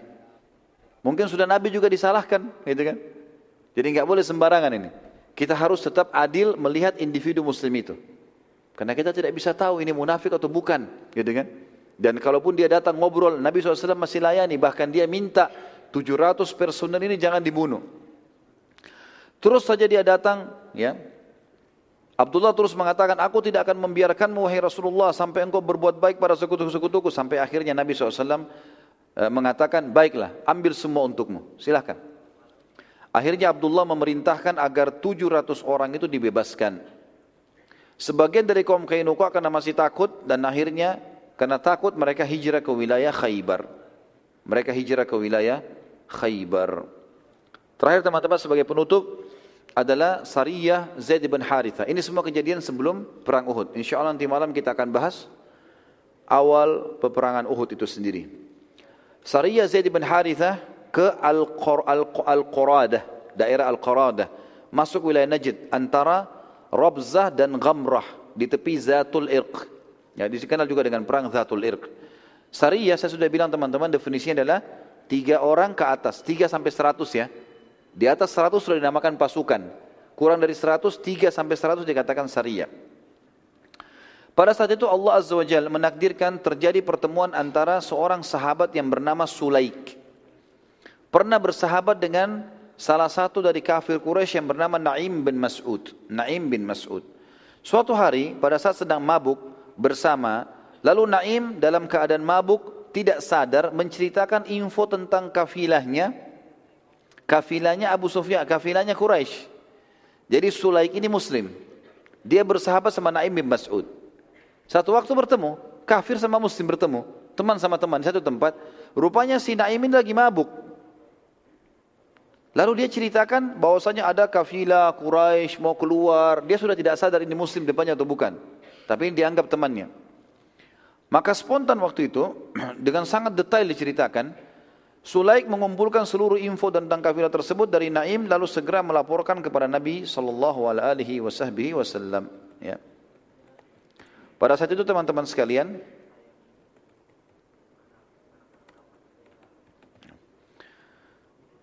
Nabi SAW segera mengambil keputusan membentuk syariah yang dipimpin oleh Zaid bin Haritha radhiyallahu anhu. Zaid bin Haritha adalah dikenal dengan dulunya anak angkat Nabi SAW, Haritha uh, Zaid dan ini dijadikan pemimpin dalam perang ini. Pada bulan Jumadil Thaniyah tahun 3 Hijriah, Nabi SAW mengutus Sariyah dipimpin oleh Zaid bin Haritha dengan pasukan kurang lebih 100 orang berkuda bertujuan menghalangi kafirah tadi Quraisy yang dipimpin oleh Safwan bin Umayyah bin Khalaf, Huwaitib bin Abdul Uzza dan Abdullah bin ya, maaf, dipimpin oleh Safwan bin Umayyah dan Huwaitib bin Abdul Uzza kafilah itu. Kemudian ada juga satu orang dari Quraisy yang ikut di situ pimpinannya Abdullah bin Abi Rabi'ah. Dalam kafilah tersebut terdapat cukup banyak harta terdiri dari bejana perak dan ber, ter, uh, yang bernilai kurang lebih satunya 3000 dirham. Jadi benda-benda yang sangat mahal. Petunjuk jalan Quraisy bernama Furrad bin Hayyan al-Ajali, Furrad bin Ayyan al-Ajali yang menuntun Quraisy melalui wilayah Zatul Irq dan memasuki wilayah Irak supaya menghindari Madinah. Pada saat itu Zaid bin Haritha berhasil menemukan mereka dan berhasil mendapatkan kafilah lalu menyerang tapi sayangnya ya, kafilah tersebut berhasil meloloskan diri terutama pada saat Zaid bin Haritha sibuk melawan prajurit-prajuritnya mereka berhasil melarikan kafilah-kafilah tadi ya. yang ditawan oleh Zaid hanya pemimpin kafilah yang bernama Furad bin Hayyan al-Ajali saat Furat bin Hayyan al-Ajali dibawa ke hadapan Nabi SAW, Nabi SAW menawarkan Islam. Kalau dia tidak mau, kalau dia tidak mau maka akan dibunuh. Maka ia pun akhirnya memilih Islam. Dia memilih Islam dan dianggap uh, misi ini tetap dianggap berhasil walaupun tidak sempat mendapatkan kafilah karena Zaid bin Harithah menawan pimpinannya dan pimpinan kafilah masuk Islam. Allahu alam bisawab. Ini insyaallah yang bahasan kita teman-teman sekalian dan kita akan masuk insyaallah di bahasan kita setelahnya masalah perang Uhud ya. Mungkin begitu saja. Subhanakallahumma bihamdika asyhadu an la ilaha illa anta astaghfiruka wa atubu ilaik. Wassalamualaikum warahmatullahi wabarakatuh.